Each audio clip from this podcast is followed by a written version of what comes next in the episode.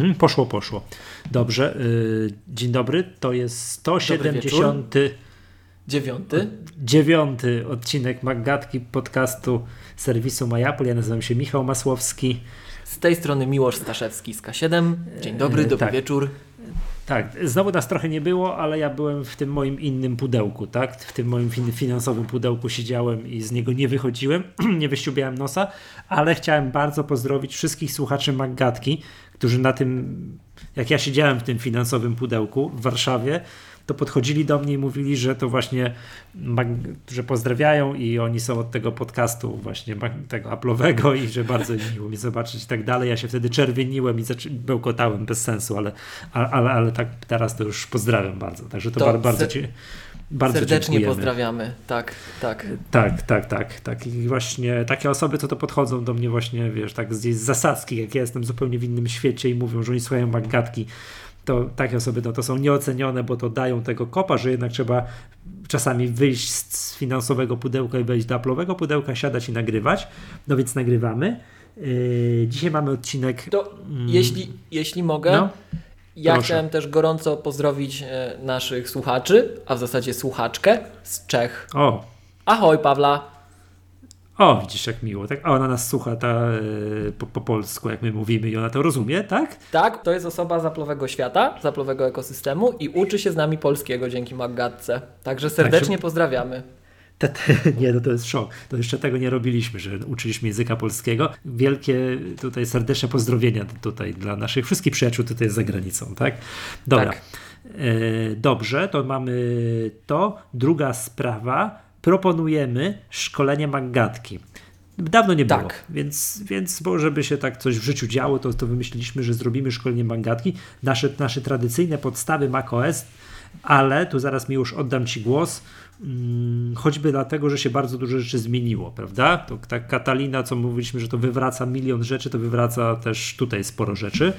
I mhm. z rzeczy takich bardzo konkretnych proszę o zanotowanie 28 marca we Wrocławiu OK, to jest to i jak tylko, no nie wiem, w najbliższych dni zakładam, że zanim się to opublikujemy, no to zrobimy, do, dorobimy tak jakąś stronę i formularz zapisów. I żebyśmy, żeby można było się zapisywać no, i będziemy o tym trąbili na lewo i prawo wszędzie, gdzie tylko możliwe, tak? 28 marca Wrocław. No i teraz jakby tu myśląc o tym, to jest przyczyna do tego, tak? Ponieważ ktoś, kto był na naszym pierwszym szkoleniu, kto już był na pierwszym szkoleniu, to jaki był system obowiązujący? Ty Sierra. pamiętasz? To było Sierra. To było zaraz po wejściu Sierra. A, czy Sierra 10, od tamtej, od tamtej pory była High Sierra, potem było Mojave, Mojave i Catalina. I, tak. I, teraz dopiero Catalina, no i te raz, dwa, trzy, cztery systemy, te różnicy, tak? Trzy systemy różnicy to, to jest bardzo dużo, jak się okazuje. I to się pokrywa generalnie z tym, jak Apple uznaje chociażby certyfikację. Jeżeli ktoś robi certyfikację, to ta jest przez Apple'a propagowana, listowana przez dwa wydania systemu. Po dwóch wydaniach systemu Apple stwierdza, że system zmienił się tak bardzo, że jeżeli w ciągu tej trzeciej zmiany się nie recertyfikujesz, no to tą certyfi te certyfikacje poprzednie oczywiście masz, możesz się nimi chwalić, że tam ileś lat temu to je zdobyłeś. Natomiast w tych oficjalnych zasobach Apple'a, gdzie Apple poleca podmiotom szukającym profesjonalistów osoby kompetentne, to już nie listują więcej niż dwa systemy wstecz, bo uważają, że system przez ten czas zmienił się, przynajmniej tak uważam, że taka jest logika, zmienił się na tyle, że już nie warto tych ludzi polecać jako kompetentnych dla bieżącej sytuacji. E, I to życie pokazuje, że tak jest. No w naszym przypadku to są akurat, e, to jest przeskok o cztery oczka, tak? Mhm. W tej chwili to, co przyniosła Katalina, plus zmiany sprzętowe, bo pamiętajmy, że Apple tworzy platformy całościowo. To nie jest tylko software, to jest połączenie hardware'u software'u i tego, w jaki sposób działają usługi. Także cały ten przyczynek, drodzy słuchacze, cały ten pomysł, że może byśmy po pierwsze zrobili szkolenie, bo dawno nie było, e, wziął się stąd, że no mamy taki okres w roku, mamy styczeń, gdzie wszyscy profesjonaliści, osoby profesjonalnie zajmujące się Apple, co tu dużo mówić, siedzą i się uczą, bo Apple publikuje w tym czasie nowe wersje materiałów szkoleniowych, nowe certyfikacje, także jak ktoś właśnie jest certyfikowanym specjalistą, to w tym okresie prze powinien przejść recertyfikację. Tak? Mhm. I żebym nie skłamał, dwa dni temu dowiedzieliśmy się, że już są zapisy na macOS Support Essentials 10.15 z Kataliną, więc to jest właśnie taki czas. To tak przy okazji, żeby te dwa wątki jeszcze połączyć, bo co najmniej przy kilku okazjach wśród których w publice byli też, na publice byli też nasi, nasi słuchacze, bo też się przyznali, pozdrawiamy serdecznie, to staram się to czasem podpowiadać, bo widzę, że u nas w Polsce jeszcze ludzie tego tak do końca nie czują, jak gdzie indziej. E, jak wejdziemy sobie na training.apple.com i tam wejdziemy w recognition, to jest publiczna lista Apple Certified Professionals Registry, gdzie Apple listuje osoby kompetentne. Listuje osoby, które przeszły certyfikację danego typu. W Polsce w tej chwili mamy 13 osób na cały kraj. To jest mało. Jakby ktoś profesjonalnie zajmuje się, na przykład udziela profesjonalnie supportu Apple'owego, warto pójść na kurs Apple'a, warto podejść do egzaminu i jeżeli go zdacie, to właśnie przez ten rok czy dwa będziecie listowani, to Apple wtedy będzie pokazywało, że ta osoba jest kompetentna w tym zakresie, w zakresie, z którego jesteście przecertyfikowani. No i to ma dwa aspekty. Raz, że właśnie to jest ten czas w roku, kiedy, kiedy są nowe kursy dla nowych wersji rozwiązań, które Apple opublikowało. A dwa, że jak zaczęliśmy z Michałem właśnie o tym dyskutować przed nagraniem, to na to zwróciłem uwagę, że jeżeli ktoś przyszedłby na ten nasz kurs, wszyscy pamiętamy to, to Tomek Gąsecki chyba napisał, tak, że to szkolenie przejdzie do historii. Historyczne pierwsze szkolenie we Wrocławiu mhm. Maggatki. Pozdrawiamy wszystkich, tak? Pozdrawiamy też y, sponsora przy okazji naszego. Tak, tak, tak. To zaraz tak, jeszcze podpowiemy, ale myśmy się tam poznali właśnie na tym pierwszym y, y, szkoleniu, tak? To, to, co chciałem powiedzieć, to co zauważyliśmy, Michał, to jeżeli ktoś był na naszym szkoleniu Maggatki ze Sierra, tak, z 10-12, to w zasadzie słuchajcie, wszystko, na przykład jak mówiliśmy o tych podstawowych procedurach diagnostycznych, to każda z tych procedur albo jest inna dzisiaj niż była wtedy, całkiem inna, albo jak o niej mówimy, to musimy przedstawić to w inny sposób, bo to się zmieniło. Tutaj też dwa słowa, może takie y, wyjaśnienia, jak to działa. Wspomniałem Wam chociażby, słuchajcie, teraz przed chwilą o tym macOS Support Essentials Course, który, mnie, który jest takim wymaganym kursem, wymaganą certyfikacją, jeżeli chcemy pracować u partnera Apple'a. Bardzo dużo firm ma wymóg wprost, że osoby muszą go posiadać, inaczej nie wolno nam ich zatrudnić. E, I ten kurs Apple'a jest trzydniowy. To jest taki kurs, gdzie Apple nas przez 24 godziny zegarowe około uczy procedur pierwszej pomocy, udzielania supportu szeroko rozumianego użytkownikom platformy Mac, komputerów Mac. E, no to nasze szkolenia Maggatki to nie jest tego rodzaju kurs. Nasze szkolenia Maggatki to jest kurs dla użytkownika, tak? Takiego zwykłego, co to jak my Michał powtarzamy, Wydaje ci się, że kupiłeś Maca, bo to taki ładny komputer bez wirusów, Windows bez wirusów? To nie, to jest dużo więcej. Ale siłą rzeczy o niektóre rzeczy też zahaczamy, takie delikatnie supportowe, jak tu sobie poradzić, jak coś nam się dzieje, zanim na przykład zadzwonimy na Apple Care albo pójdziemy do serwisu. Dużo mówimy o takiej e, ergonomii korzystania z Maców. Pokazujemy zawsze na koniec, jeżeli jeszcze czas się znajdzie, troszeczkę skryptowania, to też się zmienia teraz Pod... bardzo mocno, tak? Mhm. Takie, takie, takie demo automat... robimy, takie demo Pod... na koniec, tak? tak? Podstawy z naciskiem na podstawy automatyzacji. Bo, bo do tego mamy osobny kurs dwudniowy, taki tak. nasz maggatkowy, który notabene jak ostatnio pokazuje praktyka, to ło, te dwa dni to czasem i tak chyba trzeba będzie. Teraz jak te zmiany wchodzą, jakbyśmy chcieli większość pokazać, to, to musiałoby być dłuższe tak naprawdę. Więc e, będzie maggatkowe szkolenie. Przy okazji z tego, co już mówiłem, zobaczcie, e, są nowe szkolenia Apple'owe, tak? Gdyby ktoś, jeżeli ktoś z Was, ktoś z słuchaczy ma certyfikację, to powinien zerkać, powinien odświeżać trainingapple.com, bo już są zbierane przez centra szkoleniowe zapisy na macOS Catalina Edition.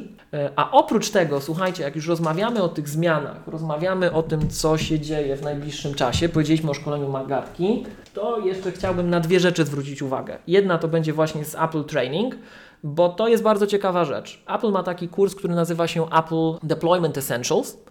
To jest kurs przygotowujący, pokazujący, w jaki sposób wyglądają wdrożenia na platformach Apple w sposób zorganizowany w większych organizacjach. Jakie to daje zalety, co nam daje taki prawidłowy deployment za zalety, mhm. dlaczego to jest dobre, jak zarządzać urządzeniami w organizacji, jak zarządzać licencjami na oprogramowanie, na przykład w organizacji, jak zabezpieczać poprawnie te sprzęty e, w większych wdrożeniach, jak, jak to zrobić i nie tylko nie zwariować, ale widzieć, że to jest super stworzone, przemyślane od początku do końca. I taki kurs Miłość, typowo... przepraszam, mhm. czyli jak ktoś ma firmę, że ma 100 komputerów i dochodzi do wniosku, że trzeba przerobić wielką przesiadkę na Maki, to powinien tam speców od IT posłać na taki kurs tak, żeby ci ludzie poznali to w taki sposób, jak Apple to przewidziało. Jakie Apple przewiduje procedury, bo to jest taki mhm. naprawdę techniczny kurs. To się robi tak I robi się dlatego tak, bo to i to. Czyli uczymy, trenerzy Apple uczą zasad budowy tego środowiska, takich ogólnych, żebyśmy to rozumieli, uczą procedur,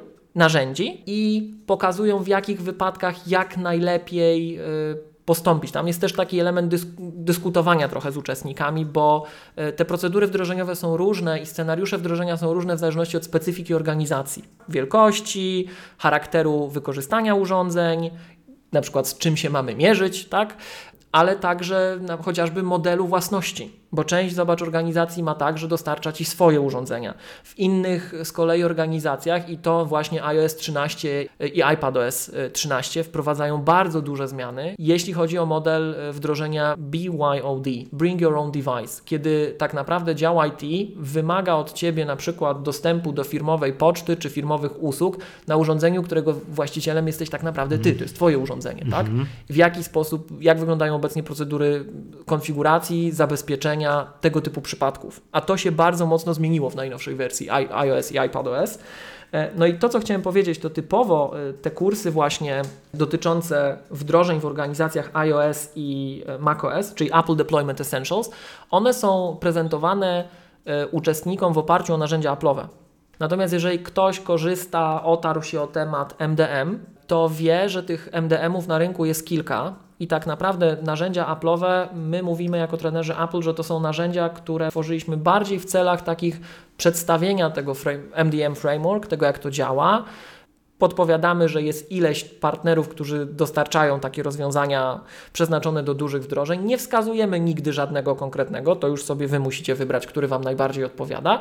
Natomiast nie ma nic przeciwko temu, Apple to dopuszcza, żeby organizować edycję tego szkolenia gdzie przykłady konkretnego zastosowania mogą być zrealizowane w oparciu o któryś komercyjny MDM i dlatego warto o tym powiedzieć, bo w tej chwili w Polsce, te szkolenia w Polsce się też odbywają, w Polsce będziemy mieli chyba pierwszy raz okazję w końcu mieć e, taki training przedstawiony w, w oparciu o platformę Jamf która jest jedną mhm. z najpopularniejszych platform MDM na świecie, naj, takich no, najbardziej znanych, najprężniejszych, wiodących powiedziałbym, chociaż to jest ocenne, to już zależy. I to jest nie tak często spotykana sytuacja, bo jeżeli domyślnie się zapiszemy na taki typowy Apple Deployment Essentials Course, to będziemy mieli to pokazane w oparciu o narzędzia Apple'a, gdzie no, trener powie, że zobaczcie, mamy narzędzia Apple'a, ale my zakładamy, że Wy jednak sobie na co dzień, w sensie nikt Wam nie zabroni, możecie używać tych narzędzi Apple'a, ale my zakładamy, że one są budowane raczej, żeby pokazać, jak ten ekosystem jest stworzony, a Wy i tak skorzystacie z narzędzi Jamf, czy y, MicroMDM, czy cokolwiek innego. Miłosz, a czy to oznacza, że te narzędzia third party, ten Jamf czy coś lub jemu podobne są lepsze od y, aplowskich narzędzi tworzonych specjalnie do tego celu? Mówimy o, wiesz, o zarządzaniu komputerami w dużym przedsiębiorstwie. No, kiedy, nieważne czy w dużym, jakimkolwiek, zarządzaniu komputerami i chcesz mhm. powiedzieć, że można korzystać z nieaplowskich narzędzi i to jest tam w jakichś przypadkach lepsze od aplowskich? Ale wiesz, że to jest powszechne, że to się na świecie dzieje i jak to nie jest żaden, jak że nikt nie otwiera jest, oczu, tak? Jest to powszechne, jest to powszechne i jak e, mhm. bierze się udział, tak jak powiedziałem, jak przychodzisz na szkolenie Apple'a, takie typowe Apple'a, gdzie masz trenera od Apple, tak?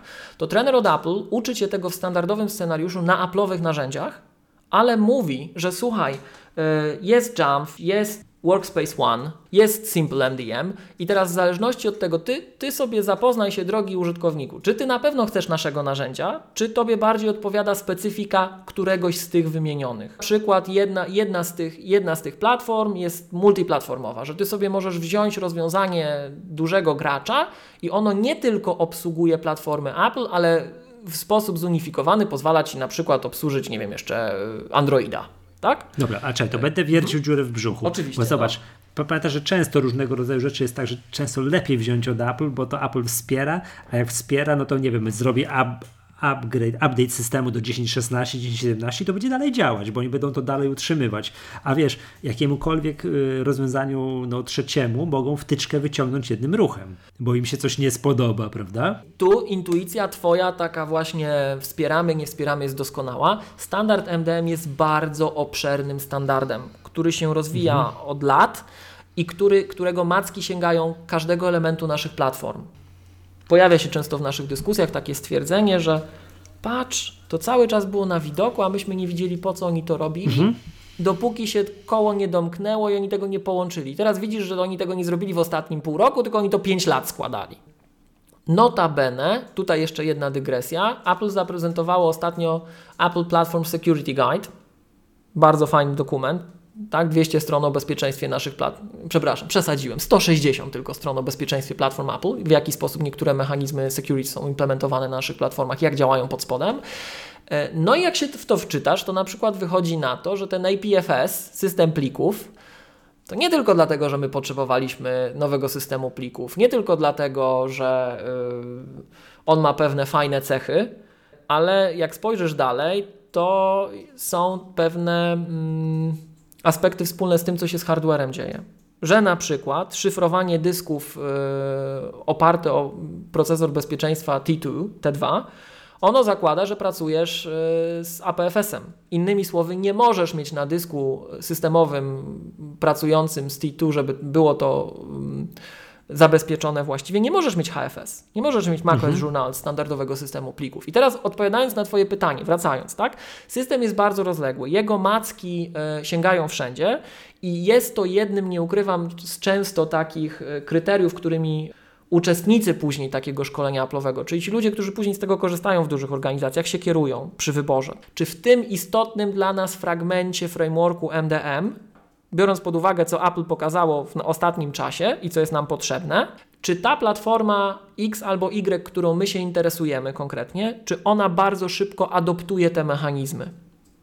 Bo to działa w ten sposób, że Apple prezentuje ten standard i teraz ci dostawcy rozwiązań MDM implementują te fragmenty. Więc jeżeli oni je zaimplementują tak jak trzeba, to to działa. To jest tak API programistyczne. To to działa. To jest trochę tak jak z tymi aplikacjami, które, co do których my ostrzegaliśmy od kilku lat. Wróć, Apple ostrzegało, tak? Że skontaktuj się z deweloperem, ta aplikacja wkrótce przestanie działać. Ostrzegaliśmy. No właśnie. To jest to samo, no, tylko na etapie no, frameworka dokładnie. MDM. Więc tak są przypadki, w których będziesz wolał skorzystać na przykład właśnie z Jamfa, czy z Workspace ONE, czy z Simple MDM, czy z czegokolwiek innego, czy z Kanji na przykład, ale to wybór należy do Ciebie, od Twojej specyfiki, od specyfiki tego, czego potrzebuje do końca Twoja organizacja i z tego, czy mówiąc brutalnie, Ci się to podoba bo każdy z tych, yy, każde z tych narzędzi jest trochę inaczej używalne, inaczej się tego używa, korzysta i tak dalej. I może Ci się wydać, że jedno czy drugie jest po prostu bardziej wygodne. Albo czasem decyduje model licencjonowania chociażby też. Także powodów może być pewnie wiele. Ale tak, szkolenie typowe Apple'owe zakłada Apple'owe narzędzie, natomiast to, co się w Polsce niedługo odbędzie, bo odbędzie się 3 lutego, to będzie e, dostarczenie Apple Deployment Essentials w oparciu o platformę Jamf. I z racji z tego, że platforma Jamf jest jedną z tych najpopularniejszych, także w Polsce, wydaje mi się, że jest to jedna z najpopularniejszych platform w, w praktycznych wdrożeniach, to wydaje mi się, że warto rozważyć ten termin, bo to akurat ta edycja będzie na pewno realizowana w oparciu o Jamf, będzie prowadzona przez e, certyfikowanego trenera Apple.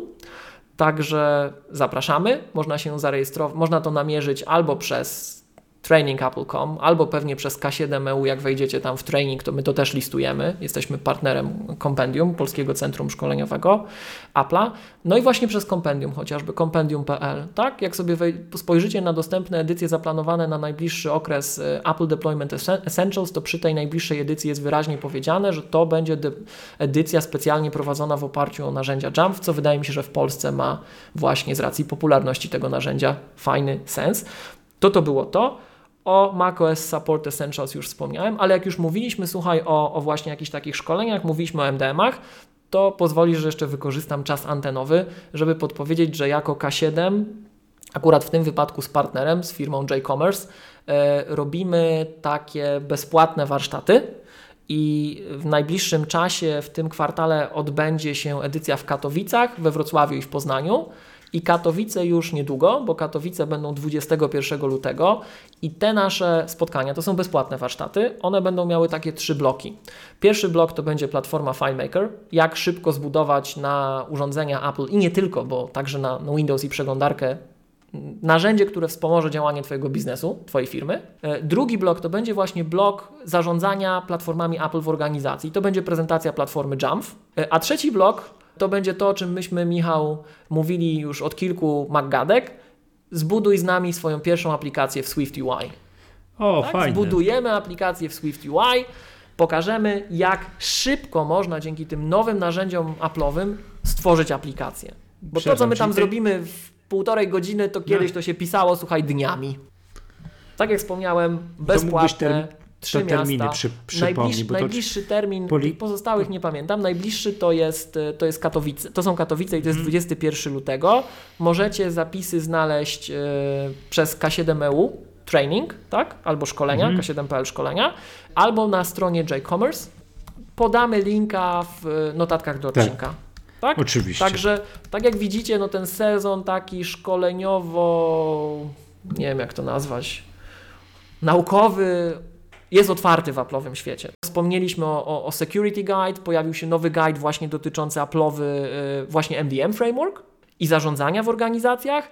Także Apple opublikowało ostatnio bardzo dużo dokumentacji, zaktualizowało kursy. No i tak jak mówię, jeżeli zajmujecie się Applem zawodowo albo po prostu interesujecie się tym i chcecie wiedzieć, jak to działa, to teraz wszyscy siedzimy i czytamy przez najbliższe tygodnie. To jest ten okres w roku, tak? Dobrze. I my dobrze, nie pozostajemy dobrze, dłużni. Nowe szkolenie Maggatki też będzie. Mhm. Tak, tak, tak. 28 marca. Słuchajcie, skoro rozmawia... Y, Miłość, bo skoro rozmawialiśmy, wspominałeś tak tutaj rozrzewnieniem pierwsze szkolenie Maggatki. Mhm. No też pamiętam, pamiętam, tak? To, to legendarne. Tak, tak to, to jest właśnie to szkolenie, na którym właśnie poznaliśmy się z Pawłem, tak, i które po tylu latach, patrz ile żeśmy to, ile to lat minęło, bo żeśmy przecież odliczali, jaki to był system, tak. Poskut, poskutkowało, tak, poskutkowało tym i to przypomnijmy, bo to jest bardzo dobry moment, także tutaj partnerem e, podcastu Maggatka, oficjalnym partnerem podcastu Maggatka jest firma Wózki Widłowe Lifter, to bardzo serdecznie pozdrawiamy, jak zwykle tam na wschód przez autostradę A4 machamy na Górny Śląsk. Serdecznie mam pozdrawiamy. Na, tak, mam nadzieję do usłyszenia i do, do zobaczenia. Mm, Okej, okay. dobrze. Yy, Miłosz, przejdźmy do takiego tematu. Yy, chciałbym, żebyś się tutaj podzielił wrażeniami, chociaż to już nie będzie tak fajne, bo to dzieliłeś się, jak rozmawialiśmy przed nagraniem, to podzielić, będziesz musiał z równą pasją i z równym yy, no, mnie, zaangażowaniem, po, tak. Z podobnym zaangażowaniem, to już nigdy nie wychodzi dwa razy tak samo, opowiedzieć, bo ponoć miałeś okazję wypalcować yy, monitor Apple Pro X, XDR Display tak osobiście. Oj tam zaraz wypalcować. Miałem już okazję popracować na, mhm. i to też w tej wersji z full wypasem, czyli właśnie z powłoką, tak, tak nano powłoką tak. i z nóżką. I, I ze ściereczką, tak? I ze ściereczką. No ściereczka jest w każdym modelu, tak? Czy kupisz, czy go kupisz bez nóżki, czy go kupisz bez powłoki, nano, to ściereczkę dostaniesz zawsze. A, a ściereczka, miałeś, miałeś przyjemność, że tak powiem, poobcować również no ze już, ściereczką? Już, już w jednym przypadku to używałem, bo w jednym rzeczywiście został wypalcowany, to już żeśmy ładnie wyczyścili.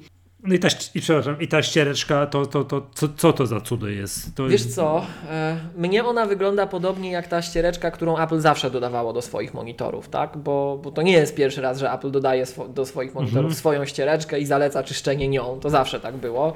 Nie wiem, czy jest jakaś specjalna, mnie wyglądała bardzo podobnie, ale no, zgodnie z poleceniem na sucho, ładnie, nie wolno tam na mokro tego czyścić. Ze ściereczką też obcowałem, ale ona na mnie wywołała najmniejsze wrażenie, bo bardzo standardowa. Natomiast sam monitor, ojej, ojej. To tylko powiem słuchaczom, że ja może powiem, jak ja na co dzień pracuję, przypomnę. Ja na co dzień pracuję na iMacu Pro z dwoma zewnętrznymi ekranami 5K, czyli mam trzy monitory 5K, mam mostek kapitański, siedzę jak w Star Treku Picard i patrzę, tak? Patrzę, co się teraz, dzieje. Masz już teraz trzy? To, to, tak? No ma, mam dwa dodatkowe i ten w środku. Siedzę tak, przegap, Przegapiłem ten moment. Jak no prawdziwy, no, tak, musiałem, był... musiałem dostawić biurko, bo mi się nie mieściły. Natomiast e, tak patrząc na to gabarytowo, to nie aż tak szeroki jak te moje trzy ekrany, ale te trzy ekrany nowe będą szersze. Ja zakładam, mhm. że tak jak tu musiałem dostawić do biurka biurko, żeby mi się trzy zmieściły, to tu dla dwóch już bym potrzebował tych biurek. Tak, rzeczywiście ten monitor jest duży. Jest, no jest duży. W większości przypadków, bo to już nie pierwszy raz jak tą matrycę widziałem, to osoby, które się przesiadały, ostatecznie używają tych komputerów, przesiadały się z 30-calowych Apple Cinema Display, tych mhm. największych monitorów Apple'owych historycznie i ten monitor jest szerszy. Jest większy i szerszy. W sensie nie jest wyższy, nie jest wyższy, ma inne proporcje. Generalnie płaszczyzna jest większa, i jest znacznie szerszy niż Cinema Display, ten stary 30-calowy. Także wow, natomiast jak miałbym jednym zdaniem, bo to dzisiaj tak może nie technicznie, dzisiaj właśnie tak mhm. wrażenia, tak wrażenia, to... No i ta, ta czerń, czerń mnie interesuje, jak aha, to z tym czarnym. To gdybym ja miał powiedzieć, z czym mi się kojarzy ten monitor, ten w najbardziej wypasionej wersji, to ja bym powiedział tak jak John Gruber kiedyś mówił o iPadach, gdzie ja się nie zgadzałem kompletnie z tym, co on wygaduje o tych iPadach. W sensie to fajna metafora była, ale to dopiero teraz widać to, co on powiedział. Nie wiem, czy pamiętasz, jak wyszedł pierwszy iPad z retiną. iPad 3. Mhm. Tak? Tak, taki strasznie on, gruby. On miał taką metaforę, że to jest tak jak namalowane, jak narysowane, jak na obrazku. Gdzie tam narysowane na obrazku, jak tam szyba była i się odbijało, no? Umówmy się. W dzisiejszej mhm. naszej nomenklaturze to był ekran ze śmietnika przecież. tak. Ale... Wie, czas, czasy, czasy się zmieniają, nie? To co, coś, co kiedyś było namalowane i może było wiesz, nad tym cmokać, dzisiaj jest ekranem ze śmietnika, tak? Tak, no ale umówmy się, namalowane i szyba, tak? To ten yy, monitor Apple Pro Display XDR z, nano, z powłoką nanostrukturalną to naprawdę wygląda jak obraz. Jak ja bym miał opisać, jakie są wrażenia takie organoleptyczne, to wygląda Michał jak płótno. To jest matowy, idealnie matowy, śliczny wyświetlacz. Czerń to jest czerń.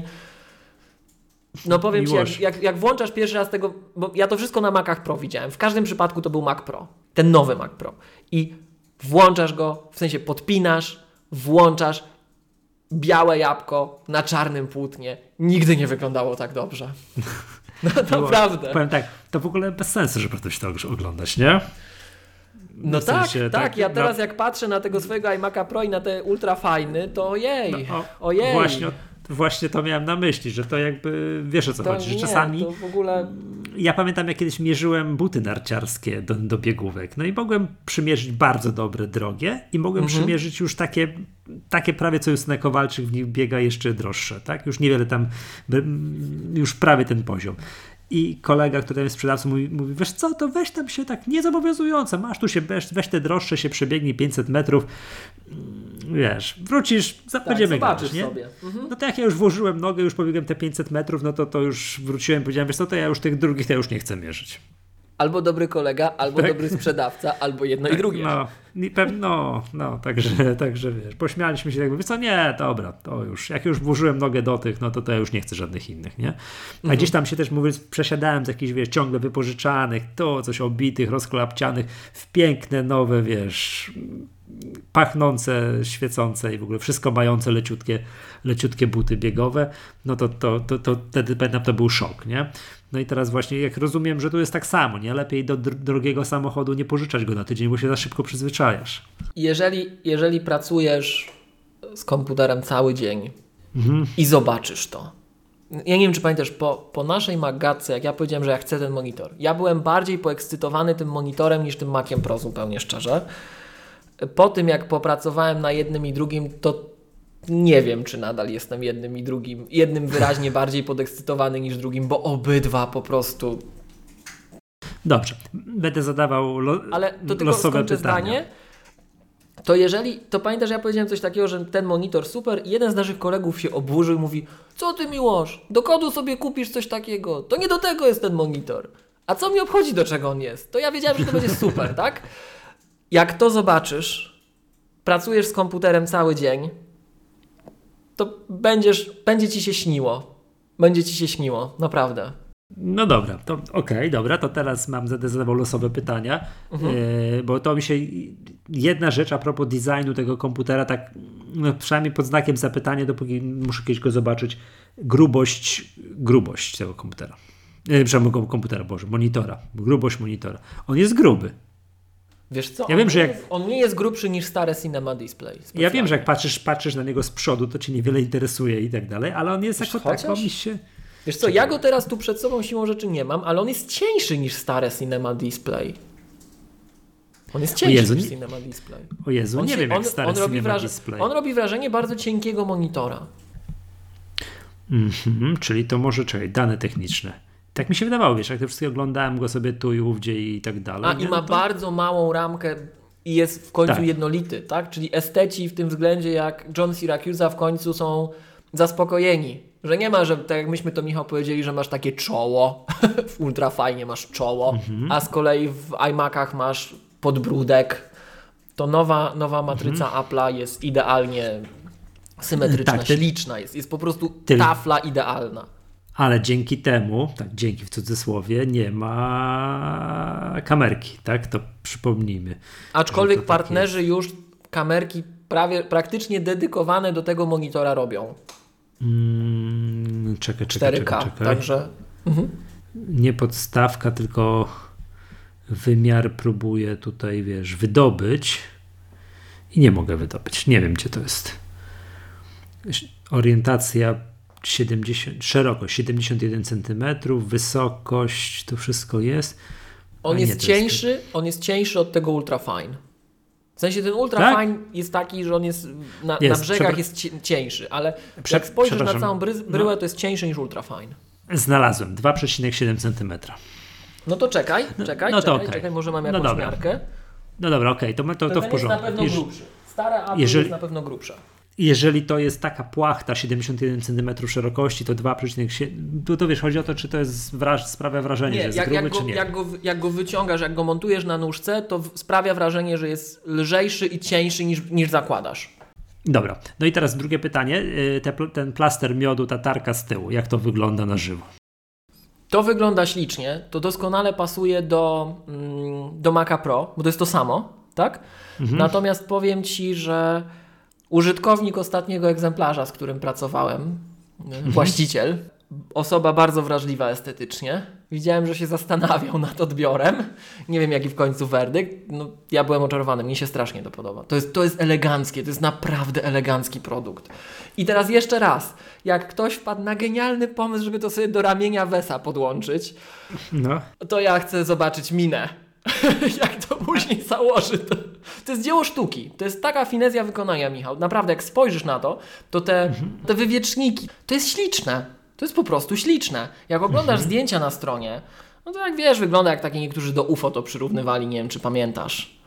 Że jak te UFO faces takie, że to się nakłada, się oczki formują mhm. i tak dalej, tak? A tak, oczywiście, tak, to, tak, tak. To tak. nie, to, to wygląda, powiem Ci, to wygląda jak taki te angielskie słowa mi się Ty, pchają. Teraz to widzę, szcz szczególnie te z górnego rzędu, gdzie nie ma, wiesz, górnego No i teraz nie będziesz mógł zobaczyć, to przepraszam. No, ale tak, to jak, patrzysz, to jak patrzysz na to na żywo, taka wirtuozeria tego, jak to jest dokładnie zrobione, to robi super wrażenie takie, jeśli chodzi o taką, wiesz, no symetrię tego wszystkiego. No śliczne to jest.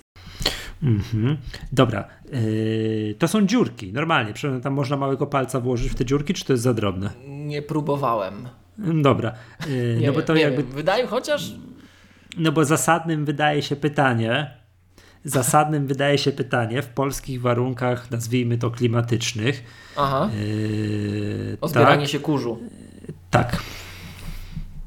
No to jest aż prosi się, żeby tamtędy ten kurz latywał. Skoro, skoro ten monitor ma aktywne chłodzenie, tak? Tam są jakieś wiatraki w środku, tak? O ile tak, dobrze tak, pamiętam. Ale ich nie słychać. Nie słychać ich w ogóle. No rozumiem. Znaczy, Okej, okay, w porządku. Eee, no to wiesz, i tam są, no, przepraszam za sformułowanie, jak najbardziej eleganckie w aluminium, dzieło sztuki i tak dalej, ale chamskie dziury, nie?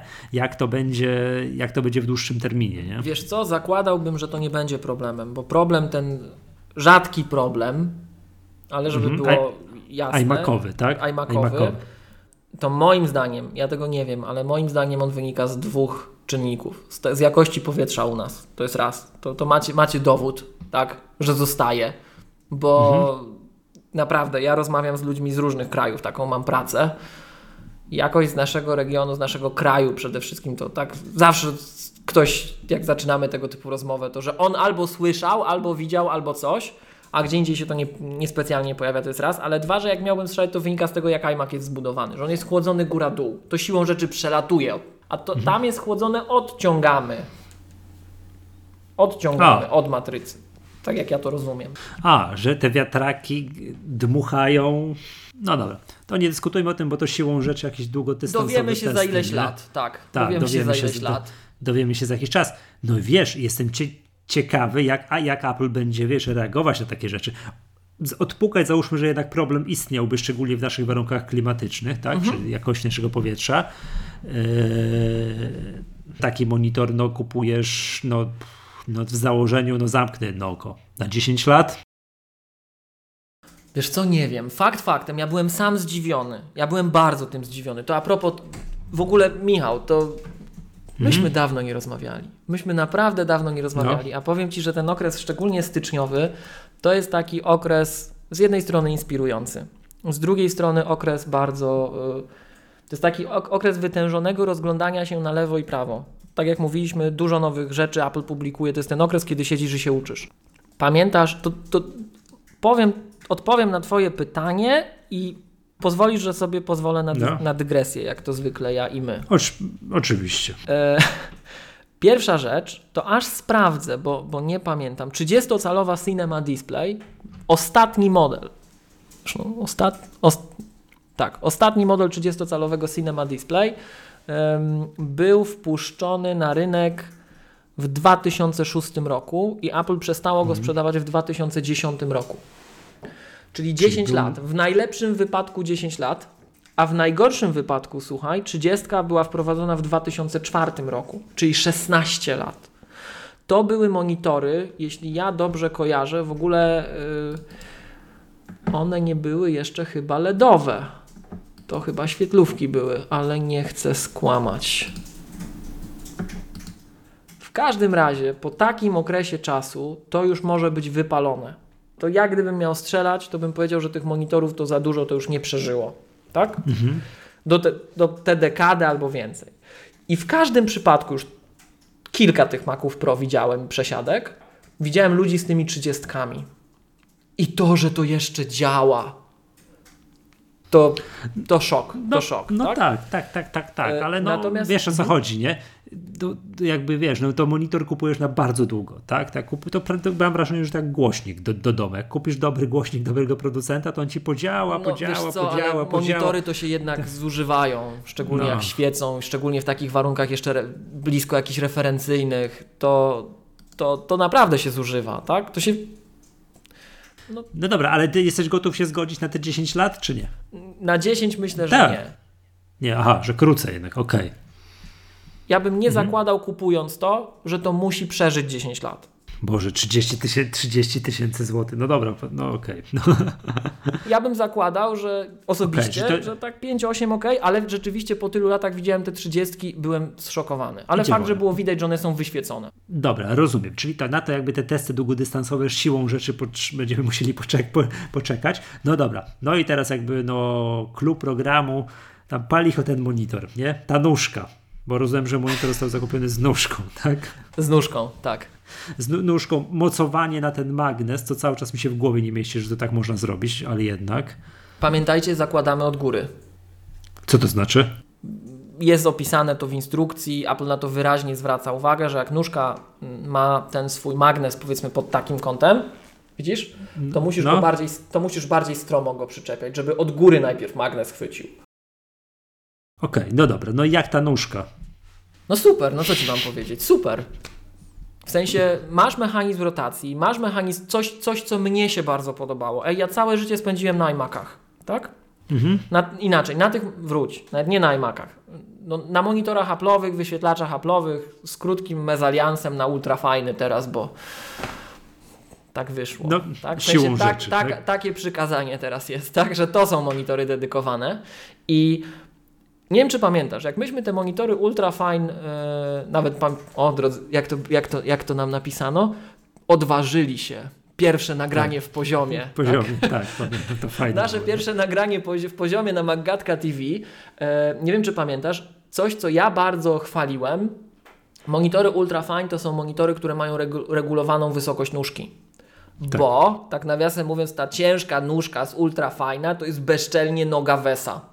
To jest trochę ładniejsza noga Wesa, tak? Widać, że to przemysłówka, dlatego wszyscy narzekają, że brzydkie, cała, cała konstrukcja brzydka. I e, poprzednie monitory Apple'owe, te przynajmniej, które ja pamiętam, czyli od 30, te 30, 20, 23, później e, LED Cinema Display, Thunderbolt Display i teraz iMaki, one wszystkie zachowywały się jak iMac. Czyli, no jakby to powiedzieć, no osoba o moim wzroście, to ja bym się musiał garbić o tak i tak pracować, żadna ergonomia, tak? I nie wiem, czy kojarzysz, y, cały biznes wokół tego powstał, bo mm, ludzie książki podkładali pod to, To właśnie osoby z certyfikacji Apple'owej to zawsze się śmiały, że podkładały tego drejera, taką Biblię. Jak idziesz na certyfikację Apple'ową, to musisz przyswoić taką książkę 1500 stron i ludzie kładli jednego albo dwa drejery, to w ten sposób w środowisku się mówiło, jak bardzo podnosisz monitor, tak? E, firma, kojarzysz firmę 12 South? Tak, oczywiście. Bardzo dużo fajnych akcesoriów luksusowych, na takich ładnych. Na, przy, tak? na przykład świeczka o zapachu nowego Maca. Oni też kiedyś, nie wiem, czy mają, czy dalej, także... To dobry produkt, nie wiedziałem. E, mhm. Ale takie produkty jak Plugback, jak Magic Bridge, ja jestem fanem Magic Bridge, oni mają taki produkt, że masz taką podstawkę pod iMac'a, sorry, pod Apple któryś z tych Thunderbolt albo LED Cinema Display, że sobie możesz tam Maca Mini albo dwa schować. Także cały biznes wokół tego powstał i uprzedzając pytania, tak pamiętam, że niektóre monitory można było kupić w wersji VESA od Apple, ale ze wszystkimi no, następstwami tego. Czyli, że musiałeś to kupić, to była konfiguracja na zamówienie i tak dalej, i tak dalej. I nie w każdym wypadku też było dostępne większość była nieregulowana, więc pierwsza rzecz, która mnie się bardzo spodobała w tejże nóżce, to to, że tam masz bardzo wygodną regulację i że to jest takie, powiem Ci, takie typowo Apple'owe. Nie za ciężko, nie za lekko, w sam raz, piękne. Na dwa, że masz tą rotację, możesz sobie obrócić go tak o 90 stopni i do tego to chyba trzeba mieć biurko stojące wtedy. Bo ten e, monitor Rozumiem. jest tak wysoki, jak go zrotuję, że jak ja miałem tam czytać kod, to ja chyba jestem dość wysoki jednak. 1,80 m, chociaż może sobie schlebiam 1,85 m, to żaden wysoki dzisiaj. Ale, ale wiesz, jak ja 1,85 m usiądę i sobie go postawię o 90 stopni obrócę, żeby mieć pionowo do kodu, to ja muszę do góry spoglądać. Jakbym patrzył na menu, na, na menu jabłko, tak, to muszę tam patrzeć wysoko. To szyja by mnie bolała, jakbym tak często miał robić. Mm, Okej, okay, dobra. A jeszcze powiedz mi, on ma, jak, żeby go obrócić tam, no tak wiesz, o 90 stopni, możesz to zrobić w pozycji tylko górnej czy dolnej? Tylko górnej. Jest... Nie, nie obróci się, jeżeli będziesz miał go obniżonego, no bo byś go uszkodził, tak? Tylko Wiem, w górnej. Musi być, musi być do góry podniesiony, żeby ta blokada była w stanie się... Tam jest taka blokada. Zahaczasz ją, w sensie przesuwasz, obracasz, ona się sama zamknie z powrotem. Okay. Tak? Super, super. Tak, super. jest to pod tym względem jest to pomyślane. To co, to, co też widziałem, że wszyscy, i to żeby było jasne, ci użytkownicy, z którymi ja pracowałem, gdzie żeśmy te maki oglądali i tak dalej, montowali, konfigurowali, to są ludzie, którzy od zawsze pracowali na tych najwyższych produktach Apple'a. To są właśnie mhm. architekci, malarze, graficy, ludzie, którzy potrzebowali tego creative power od Apple. Y, I ci ludzie, ci ludzie używają Maców od nastu, jak nie dziesięciu lat, iluś dziesięciu lat. Zawsze najwyższe modele. Oni pamiętają każdy etap rozwoju firmy, jak ja to powtarzam zawsze. Dużo więcej niż ja. I pudełka do tych nowych sprzętów to jest kolejny level. Same pudełka, jak to jest dostarczone, jak to jest zrobione. Więc, y, no Michał, piękno tego, no. finezja, to jest bajka. To jest inny poziom zupełnie. Jeżeli, jeżeli nie wiem, czy widziałeś, jak czasem użytkownicy PC reagują na iMaki. To, co my zawsze mówimy. Że to mhm. iMac, jakby, jak ja go określam, jak ja myślę o iMacu, to jest komputer radość. iMac to jest radość. Synonim słowa iMac to jest radość. To jest fan, to jest uśmiech.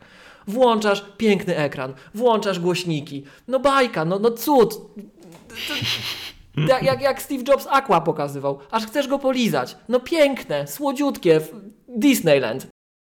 Użytkownicy PC, jak się przesiadają na Maki, to ja mam wrażenie, że oni zawsze są zszokowani jakością tego sprzętu. Taką jakością materiałową. Jak ten iMac jest wykonany, jak ta klawiatura jest wykonana, tak? jak ta myszka jest wykonana. To nie jest skrzeczący plastik. Bardziej świadomi użytkownicy później patrzą na to, co Apple zawsze podkreśla.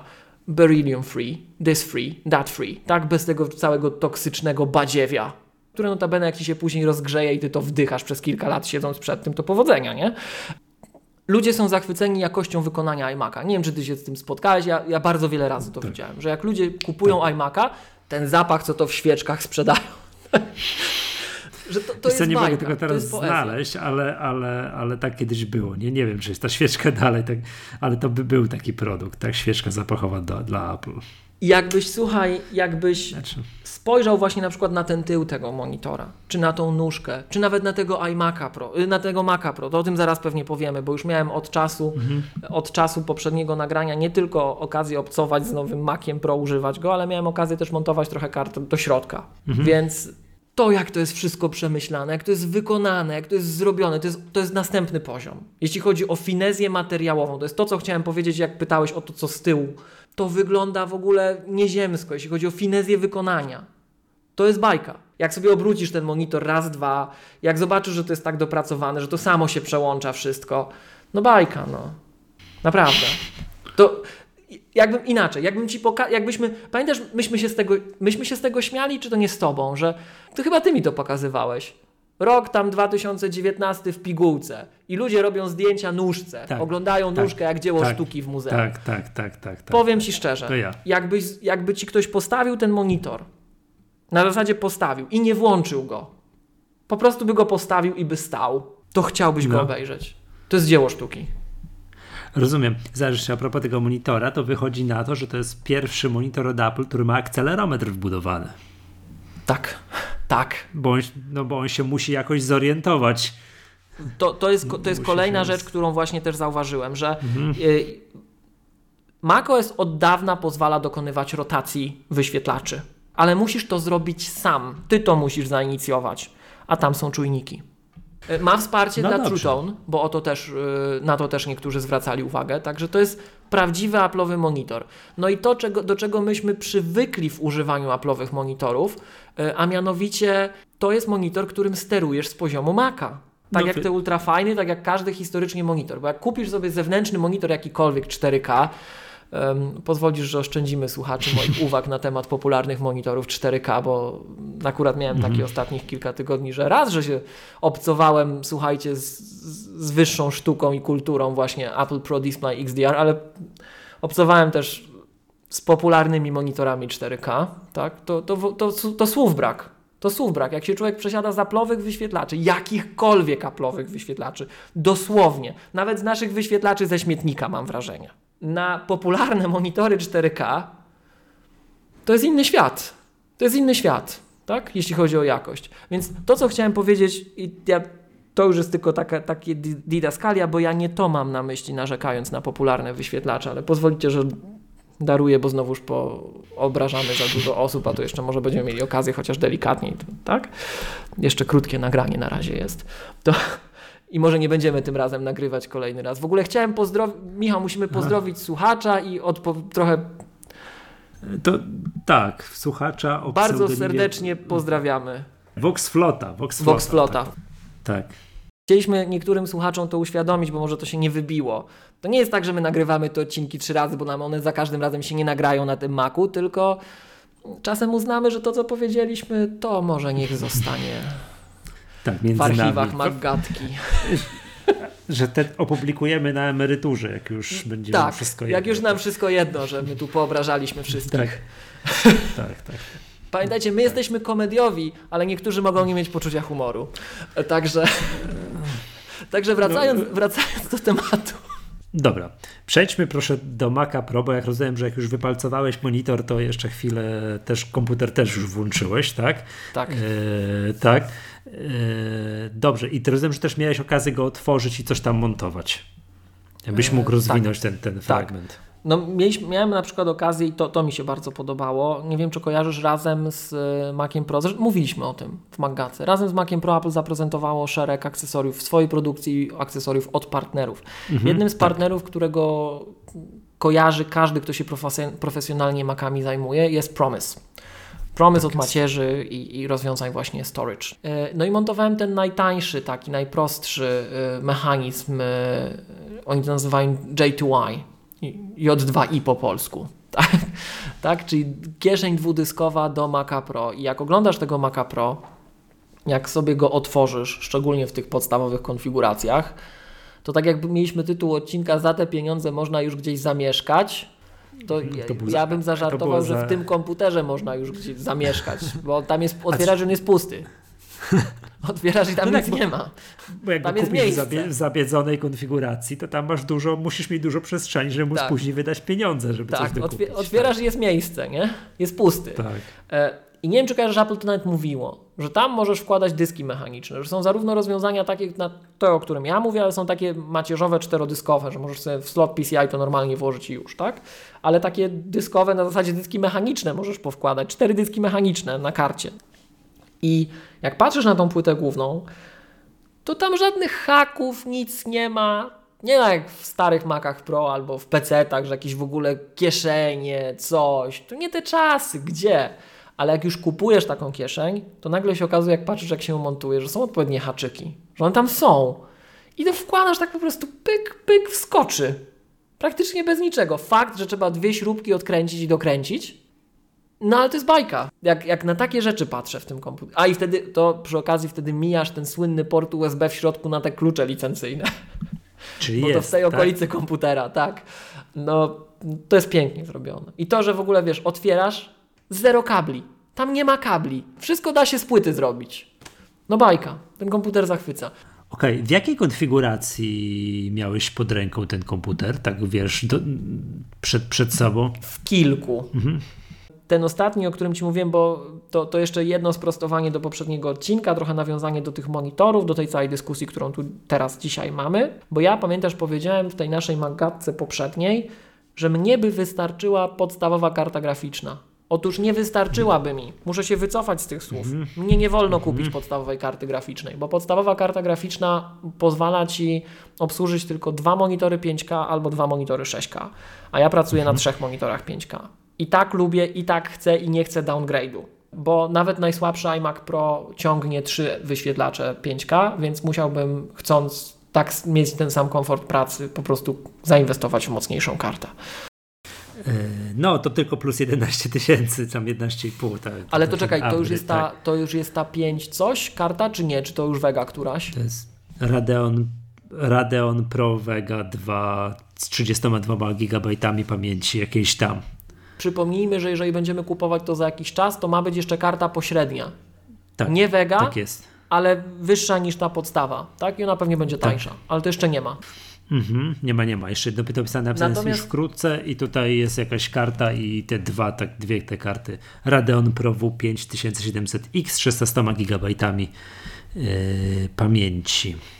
Natomiast. No. E, No i jeszcze to, co- wspom- to, wspomniałeś co przed można- nagraniem no, o To takim jeszcze tylko jedno, fragmencie. jedno zdanie, no, jak mówimy o tym konfiguratorze, że karty nie ma, to też jak już będziemy na emeryturze, już nam wszystko będzie jedno, będziemy publikować z szafy te nieopublikowane nagrania o Magatka bez cenzury, tak? E, To, to będzie dla słuchaczy hint, podpowiedź po polsku, znowuż się oberwie, e, że między jednym a drugim nagraniem, między poprzednią Magatką a dzisiejszą Magatką, co pozwoli Wam, drodzy słuchacze, ulokować te dwa nagrania w czasie, pojawiła się wersja rakowa, czyli Tak. serwerowa Maca Pro. Jak to niektórzy żartują, że Mac Pro to nie jest produkt, który wyszedł. Mac Pro to jest proces. On wychodzi każdego dnia. I najpierw go sprzedawali, potem dołożyli większy dysk. Dzisiaj możemy już kupić wersję serwerową. To lada moment będzie pewnie można jeszcze z tą kartą kupić. E, tak, zgadza się. No teraz już można do 258 tysięcy złotych tam no, wymaksować tej wersji tak poziomej, nazwijmy to, prawda? To, Nie wiem, czy kojarzysz, teraz mamy 30-lecie RMFFM. Kojarzysz? nie. I była kumulacja milion złotych. Ja, ja nie gram w gry takie, wiesz, jakieś totolotki czy coś innego, nie gram. Ale tu puściłem los. Bo gdyby do mnie zadzwonili, gdyby mnie zapytali, na co ja wydam te milion złotych, to ja wiem, że słuchacze by mi nie wybaczyli, nasi słuchacze. Gdybym nie powiedział, że wiecie, jest taki komputer, co kosztuje ćwierć miliona złotych, to może sobie kupię cztery. Dobrze. E, Miłosz, powiedz mi o takim, że, takiej rzeczy, bo tam jakby przy nagraniu też mówiłeś, to zdradzimy. E, siedziałeś przy komputerze, który ma 48 giga RAMu. Tak. No to tak wiesz, z punktu widzenia przeciętnego laptopa, no to jest nieskończoność. To wystarczy, nie wystarczy, czy to... to, to Mm, To ja muszę zaprotestować, bo z punktu widzenia naszych laptopów, to można już mieć taki, który ma więcej RAMu. tak, no zgadza się. Tak. No, No ale to, wskaż, no, to- wskażmy takie, tak, ręka do góry, kto ma takiego laptopa, tak? E, To, jeż, to jeszcze jedna rzecz, jeszcze jedna rzecz. Tak a propos, widzisz, tu jak sobie szpilę wbijamy, to sobie, a wbijmy sobie, bo jest za co, tak? Jak wyszedł nowy, e, wyszedł nowy Mac, wyszedł nowy monitor, to się oczywiście krzykacze, ja tam krzykacze, Onet pisał, pozdrawiamy Onet, Onet pisał, że No. Apple zwariowało komputer za ćwierć miliona złotych. I to takie, wiesz, ja to tak odbierałem, że to sugestie są takie, że to jakaś fanaberia, coś, pewnie nikt w Polsce nie kupi i tak dalej. To chciałem podpowiedzieć drogim szanownym, co to tak właśnie wypisują, że słuchajcie, drukowana instrukcja jest po polsku. Czyli Apple zakłada, że się więcej niż jeden sprzeda, bo się opłaca wydrukować po polsku instrukcję. Tak? Ładną hmm. instrukcję. To tak przy okazji. A to nie jest tak, prze, przepraszam, to nie jest tak, że prawo przewiduje, że musi być instrukcja po polsku, że jak Ale sprzedajesz wiesz, produkt w Polsce. No ale to kojarzysz, jak to niektórzy sprzedają produkty po polsku, że masz yy, z instrukcją po polsku, że masz albo jakąś ulotkę na ksero wbitą jeszcze, albo przetłumaczoną przez Google Translator, albo naklejone coś w ogóle. Tu jest elegancka, śliczna, zapakowana, niedorzucona. Instrukcja po polsku. Także pozdrawiamy. Ale jakie było pytanie, bo widzisz, dygresja mi tu wyskoczyła. Pyta pytanie było takie, że jak rozumiem, miałeś przed sobą komputer, który miał 48 GB RAMu i czy to wystarczy? I co, I co się z tym działo? No właśnie, bo o tym dyskutowaliśmy przed nagraniem. Yy, I to jest właśnie takie, niektórzy też twierdzą, że 16 GB na przykład wystarczy, że po co komuś więcej, tak? To ja podpowiem dwie rzeczy. Przykład prawdziwy. Komputer wyjęty z pudełka, włączony, zaczęliśmy go konfigurować. Podogrywaliśmy podstawowe oprogramowanie tego użytkownika. Byliśmy w trakcie innych rzeczy, jeszcze się kopiowały. Uruchomione było Safari, Netflix, leciał. Bo jak ktoś, no ej, ej, ej, to się nie śmiej Michał, jak się ktoś przesiadał ze starego Maca Pro, z poprzedniego Maca Pro, który nie był śmietniczką, tak? Z tego poprzedniego takiego rozbudowalnego, to Netflix nie Netflix działał. Ciął. Nie, ciął, nie, nie działał. Nie było Netflixa bo? na poprzednim Macu Pro. Bo Netflix, Dlaczego? żeby działał w przeglądarce, musi mieć po pierwsze wsparcie dla DRM-ów na hardwareze, a po drugie musi mieć software, który to obsługuje. Pamiętasz, jak, mówi, jak się cieszyliśmy, że wychodzi iMac y, ze wsparciem dla, DR, dla mechan- z akceleracją DRM 4K, co mówiliśmy, że to jest Netflix Edition, to dlatego, żeby oglądać Netflixa w przeglądarce, musisz mieć zapewnione odpowiednie zabezpieczenia kontentu w hardwareze i odpowiedni software. I na ostatnim software'ze, który działał, a to pytanie. I na, na, standardowej karcie, jak miałeś standardową konfigurację od Apple, jak nie wkładałeś innej karty, żeby Mojave postawić, to się zatrzymywałeś na High Sierra z kartą, która nie wspierała. Nie, nie mogłeś oglądać na tym w Safari Netflixa. Ale, nie było. Więc ale, mogłeś sobie kupić nowego Maca Pro i na przykład nową matrycę. I to pierwsze co właśnie użytkownik to, o teraz na tym stanowisku będzie Netflix działał, tak? Więc y, leciał Netflix, Photoshop był uruchomiony. Przepraszam, przepraszam, to tak wtrącę jedną rzecz, że jak ostatnio kupiliśmy sobie do firmy e, 70-calowy telewizor, tak żeby Aha, mieć, tak? tak. E, bo się przydaje na różnego rodzaju konferencjach, targach i tak dalej, to pierwsze co to, to Wiedźmina e, włączyliśmy i zobaczyliśmy, czy, czy, czy dobrze chodzi i Matrixa, którą część Matrixa, czy dobrze, czy jest fajnie i tak dalej, tak? Do, pod, podpowiedź jest taka, że przy takiej wielkości telewizora rozdzielczość 4K jest już nie powoli nie wystarcza, jak siedzisz za blisko. To już widzisz. Aha, to już aha, tak, aha. Jest, jest 4K, 70 cali, już jest odrobinę za mało, tak? To już, już jest ta rozdzielczość nie taka, jak powinna być. Mimo tego, chociaż pytanie, czy jaki był content, czekaj. Jak on był odtwarzany też, nie? Mhm. Tak, czekaj, niech pomyślę. Ten Matrix był odtworzony przez AirPlay, bo to był telewizor z AirPlayem.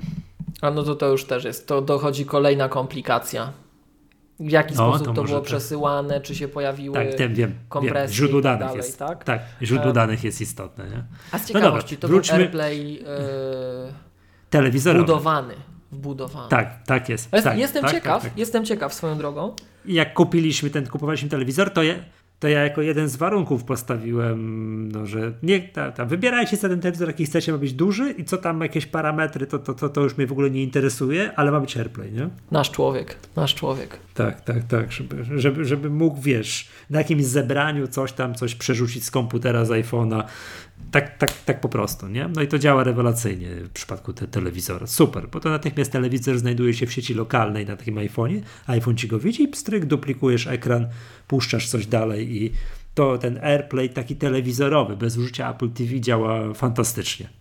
Okej. Okay. Wróćmy, do, wróćmy do monitora i Maca, nie monitora, tylko Maca ma Pro, który jako, to jak rozumiem, tak pośmieję się, bo oczywiście zakładam, że tak nie było, ale pośmieję się dosłownie sekundę. Został zakupiony po to, żeby Netflixa można było w końcu odtwarzać bez żadnych yy, tak cyrków. No to tak, to jak już mieliśmy tego Maca Pro, był odpalony Wiedźmin właśnie, Netflix. tak? Netflix. E, Był odpalony Photoshop CC, ale pusty. Mhm. Po prostu był zainstalowany, uruchomiony, pierwszy start. Był odpalony mail, był odpalony Dropbox, było One Password. Co tam jeszcze było? No taka bieżączka desktopowa. Tam nie było fajerwerków. App Store był odpalony, ściągało się coś, kopiowanie było. Żadnych specjalnych rzeczy. Ale było trochę tych aplikacji, desktopowych aplikacji odpalonych. Zwykłych desktopowych aplikacji. No może tam ze dwie karty były jeszcze w Safari. Może trzy, może, może cztery, nie więcej. Pojedyncze. Nie tak jak u mnie, że musisz scrollować te karty, bo już trzecia warstwa się nakłada. Aplikacja Music, aplikacja Podcast były odpalone. No taka bieżączka software'owa, nic wielkiego. Ten Photoshop był tylko uruchomiony. I przy 48 GB pojawił się swap. I pewnie do tego, do tego zmierzasz, tak? To tak. był oczywiście Tak. swap na zielonym, jak my to mówimy. Bardzo delikatnie na, za, zakreślony, ale wskoczył. No przy 48 gigabajtach to nie spodziewałbym się. Ta część wypowiedzi ma te dwa aspekty. Że z jednej strony ktoś, ktoś, kto ma, trzyma stronę tych, co to mówią, że 16 wystarczy, a może nawet 8, to powie, a no tam ileś wskoczył tego słopa, ale na zielono, tak, to, to znaczy, że się nic nie dzieje. I to jest prawda, to się jeszcze nic nie dzieje. Ale druga strona powie, no tak, ale wskoczył na słopa. Na dysku, który jest niewymienny, bo ma T2. Znaczy to, to tak musi być zrobione, żebyśmy z tych zalet T2 korzystali. To możemy, kiedy, nie wiem, jak nam dzisiaj z czasu wystarczy, to możemy o Apple T2 Security Chip porozmawiać, a jak nie, to w którymś z kolejnych odcinków, bo to jest mega rzecz, mega rzecz i ona wprowadza bardzo dużo zmian na platformie. Bardzo, bardzo, bardzo, bardzo, bardzo dużo. Ale Miłosz, a ja chciałem zapytać się, z czego to wynika, bo mówiłeś, że to zależy od, komputeru, od komputera, że kiedyś były komputery, tam 100 lat temu, które miały Mhm. dyski mechaniczne, Apple takie wypuszczało, to tam system bronił ręką i nogą, choćby nie wiadomo było co, to do ostatniego momentu na tego bronił jak niepodległości, momentu, tak. tak, nie pozwalam tego słopa wjeżdżać. Tak, i nawet jak ktoś podmienił sobie, bo to jeszcze były te romantyczne czasy, że można było sobie samemu dysk wymienić, tak, z tego mechanicznego na ten SSD, to ten SSD też był chroniony, oj, oj, oj, oj. A jak już y, wiesz, Apple przeszło ten moment, że zaczęło masowo wkładać do komputerów mm, pamięć SSD, uznało, że to jest szybko, tak, dostatecznie szybko, że użytkownik nie zauważa, to to wjeżdżanie na słopa jest po prostu, wiesz, on się rozpędza, w ogóle nie hamuje przed końcem ramu. Nie? Po prostu wjeżdża, bo może, bo więc, więc, więc wystarczy, wystarczy jeden moment gdzieś tam w historii, jakby nie wiem, w działaniu komputera, że jeden pik, że mu na sekundkę był potrzebno więcej ramu i on już od razu sobie tego słopa robi. To są y, trzy tematy w jednym. W jakiś taki wyważony sposób to obejrzeć, to są co najmniej trzy tematy w jednym. Pierwszy temat jest taki, to jest odpowiedź taka, jakbym przed sądem zeznawał, to muszę odpowiedzieć, że nie wiem. Że formalnie rzecz biorąc nie wiem. Bo przynajmniej ja nie znam żadnej publicznej dokumentacji Apple, która by konkretnie wskazywała, jak te algorytmy postępują. Tego nie wiem. Tak? Natomiast gdybym miał y, naszych słuchaczy odesłać do źródeł konkretnych, to bym odesłał do prezentacji y, z DabDaba. To był albo Keynote, albo State of the Union y, z WWDC wprowadzającej Mavericksa. Y, To chyba był jeden z pierwszych keynote'ów y, Craiga.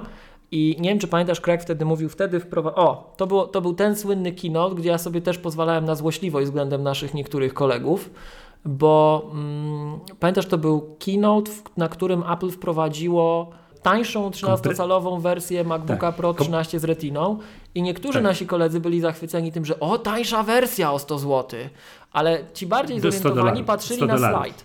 Y, Tak, przepraszam, 100 dolarów, tak. Ale ci bardziej zorientowani patrzyli na slajd i widzieli, że konfiguracja minimalna została obniżona do 4 giga RAMu. Nigdy w życiu ja osobiście bym nie polecił takiego komputera nikomu, bo on się bardzo szybko starzał. I w sensie on może miał swoje miejsce w cenniku, tak?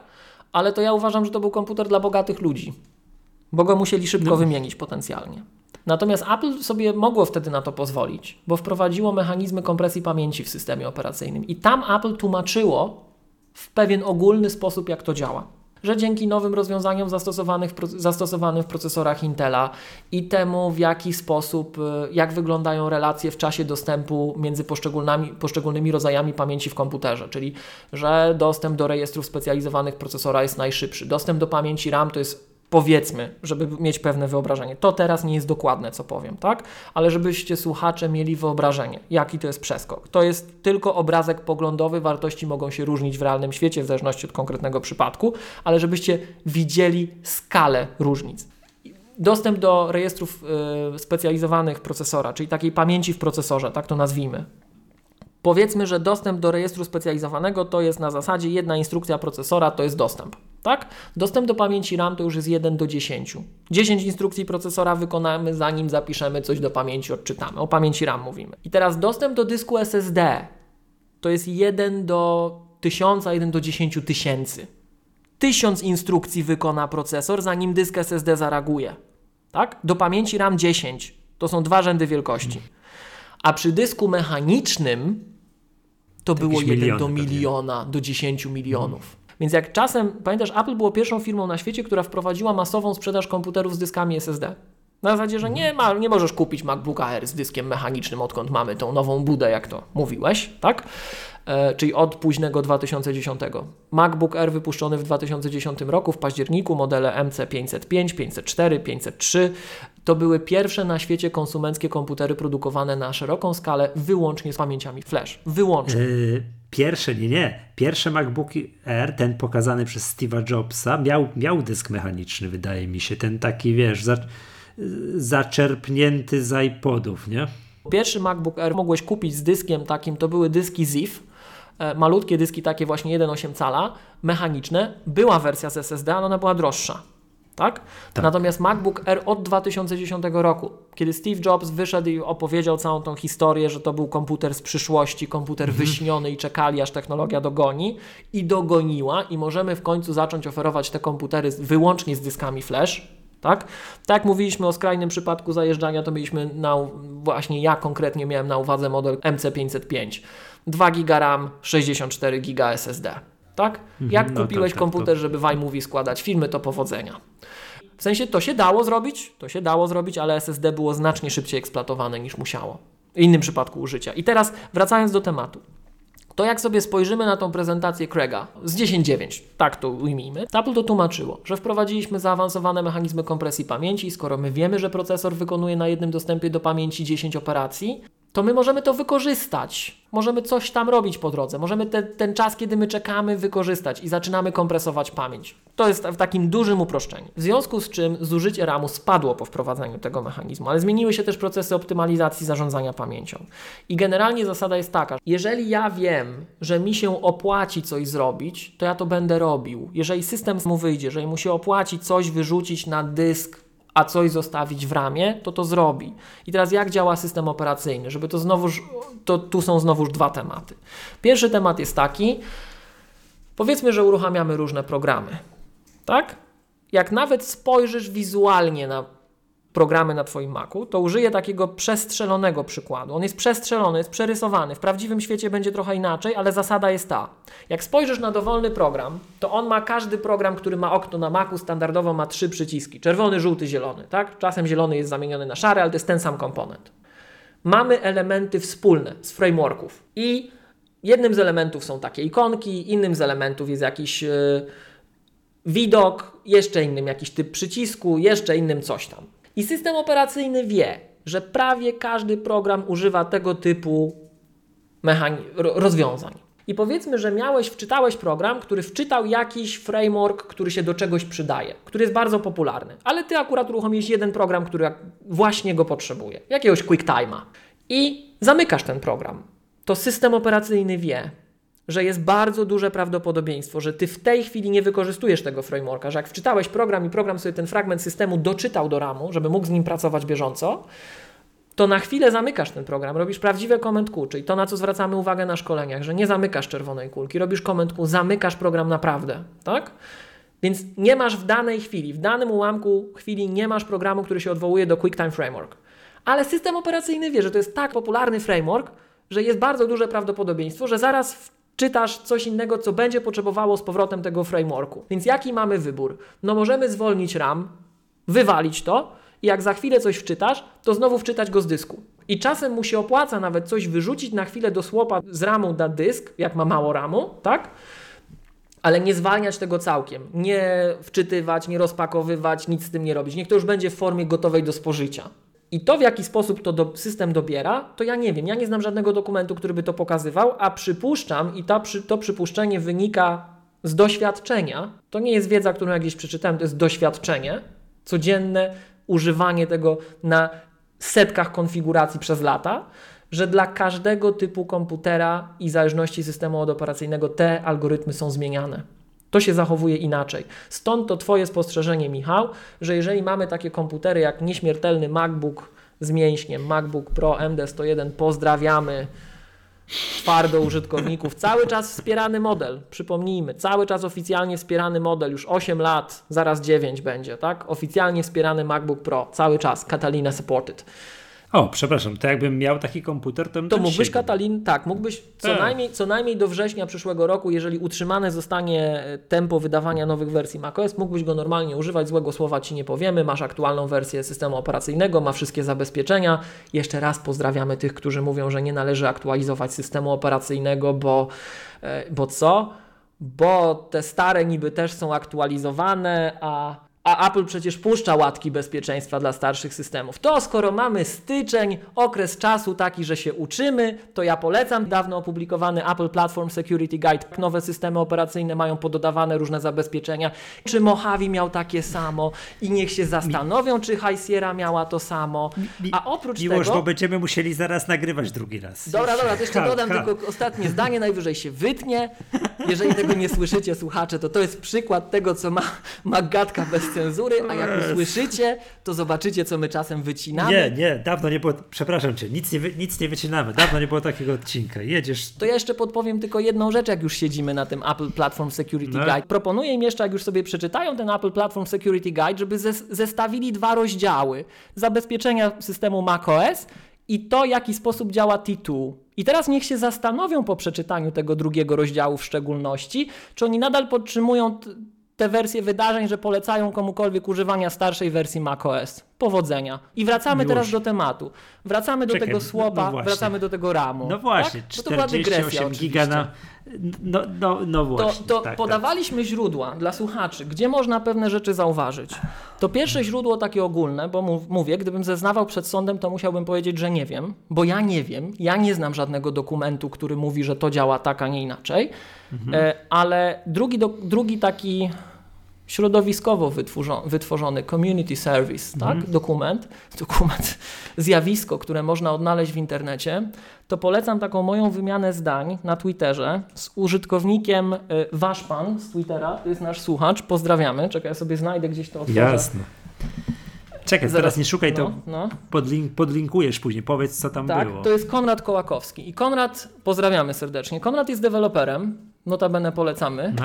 jego aplikację, gry, tak, to Konrad zauważył, że jak sobie kupił iMac'a i rozbudował mu pamięć, gdzie miał właśnie chyba też 48, jakąś miał taką śmieszną, jeśli dobrze kojarzę, y, ilość RAMu, mówi, jak to jest możliwe? Słuchaj, ja mam, teraz mam więcej RAMu w tym iMacu niż wcześniej miałem w Macu Mini, i na Macu Mini w tej, w tej konkretnej sytuacji nie wchodził na słopa, a teraz wchodzi. Co tu się dzieje? Ano to jest właśnie to, to że system operacyjny, zmieniły się warunki. I on mówi, tam z tego co pamiętam było nawet to, że on miał dokładnie tę samą wersję systemu operacyjnego na jednym i na drugim komputerze. Miał nadal te dwa komputery. I teraz zmieniły się warunki. Zobaczcie drodzy słuchacze, wracamy do naszej historyjki. Co się dzieje pod maską? System operacyjny wie, że jak ty zamkniesz program, i on potrzebuje jakiegoś frameworka, to on go będzie potrzebował za na przykład, on strzela, że on go będzie za moment potrzebował.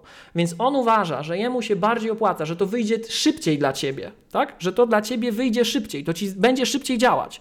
Nie jeżeli ja to wywalę z ramu i wczytam to jeszcze raz, bo każda operacja na dysku, nawet na dysku SSD jest kosztowna, tylko niech to sobie siedzi w ramie. Nawet jak ja to zepchnę ten ram na dysk trochę, to już nie będę musiał rozpakowywać, robić tego, robić tamtego, to już będzie na tym dysku w formie znaczy, zaczytanej. Znaczy, Je, jednak na dysk, ale już przygotowane. Ale jako dysk w wersji swap. Tak? Tak, bo ja to tak? potrzebuję tak? mieć w ramie, a ramu jest za mało. Jak ramu jest za mało, to zaczynamy go tworzyć na dysku i stąd jest cała ta dyskusja po naszej stronie.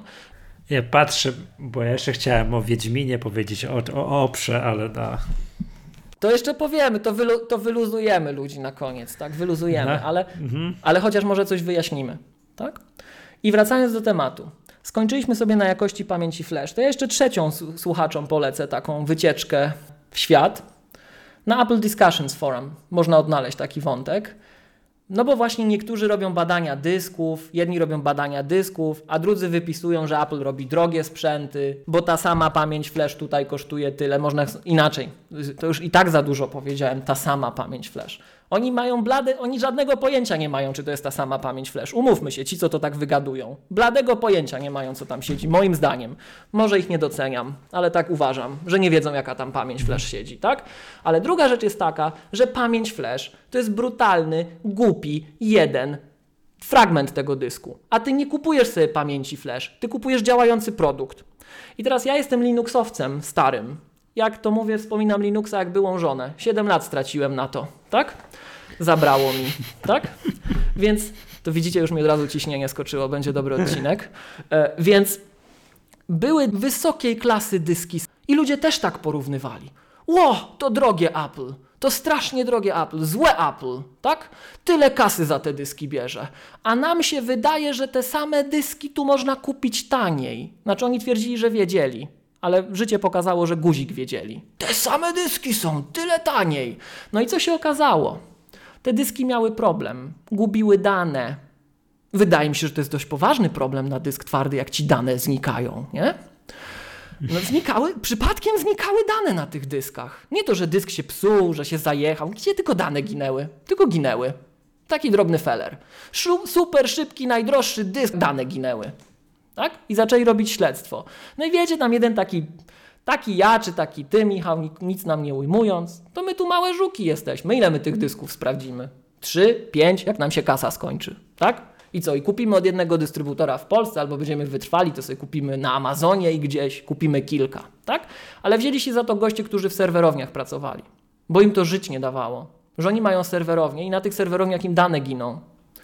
I to było też na jakichś listach y, mailingowych, linuxowych wskazywane, bo linuxiarze, to wiecie, to są twardziele, oni tam jak już ich wkurzycie, to oni w piwnicy żyją. No teraz to wszystkich poobrażałem. Ja też byłem linuxiarzem, ja też jak nie topesz żyłem, słuchajcie, ale zauważyłem światło, wyszedłem i teraz widzicie, Pro Display XDR na mnie świeci, to, to na mnie działa, tak? You can see the light too, ale dobra, pamiętajcie, że macOS to Unix, to Unix! Ale dobra, wracamy, wracamy, bo dygresja była. Zrobili goście, którzy pracu, pracują na dużych serwerowniach, którzy mieli ilości i zdolności, bo mieli bardzo dużo tych dysków. Rozumieli, w jaki sposób są konstruowane drivery i mieli dostęp do tych driverów, bo to jest Linux, to jest open source. Tak? Zrobili śledztwo. I co się okazało? Że był błąd w firmware'ze. I dane ginęły. Taki drobny feller, dane ginęły. Tak? A łapla nie ginęły. Na Apple'owym hardware'ze nie ginęło. I teraz my nie wiemy, co się stało. Bo nie było żadnego oświadczenia. To są wszystko domysły. Ale jak ja bym się miał domyślać, jak ja bym miał strzelać, to jest to samo, co z Nvidią, tak? Znowuż, ja tego nie wiem, co z Nvidią, ale wszyscy twierdzą, że jest problem z Nvidią jeden taki, że jak chcesz mieć wsparcie na macOS, to jeden z warunków jest taki, że my piszemy sterowniki. My robimy od początku do końca. Jak Apple mówi, że tylko Apple sprawia, że to jest możliwe, tylko Apple, only Apple makes it possible, tak? To my robimy sprzęt, my robimy software, my robimy kompilator, my to robimy od początku do końca, kontrolujemy proces. Jak ci się coś zepsuje u Apple'a, to idziesz do autoryzowanego serwisu Apple'a albo dzwonisz na AppleCare i oni ci pomogą ze wszystkim. Oni ci pomogą z softwarem, oni ci pomogą ze sprzętem, oni ci pomogą z tobą, jak nie umiesz tego używać. Tylko będą mili i ci tego nie pokażą. Tak? Czekaj, czekaj, już, bo I wracając dygresji, do tematu, tam, no wracając właśnie, do tego no, dysku, ta... tak ja wiem, dzisiaj mam dobry, tem, dobry dzień na dygresję, to chyba ta tak, kola tak na mnie działa. Bo ja tam nie? chciałem zadać takie pytanie, że to, skoro ten Mac za... Pro no, no. wlazł na słopa, to, to Michał, czekaj, to jeszcze, dwa, jeszcze no, zaczekaj. No, musimy no. przejść całą tę historię intelektualną. Trzeba już ten temat ja zabić, sobie, trudno. Nowy ja sobie rok, zapiszę tutaj na karteczce. Zapisz pytanie, sobie na karteczce. No, bo... W GoodNote sobie napisz, a nie na karteczce, ale dobra. No. To źle, źle reprezentujemy podcast. Cyfrowo, kolego. Cyfrowo, formę trzymaj. Gdzie tam?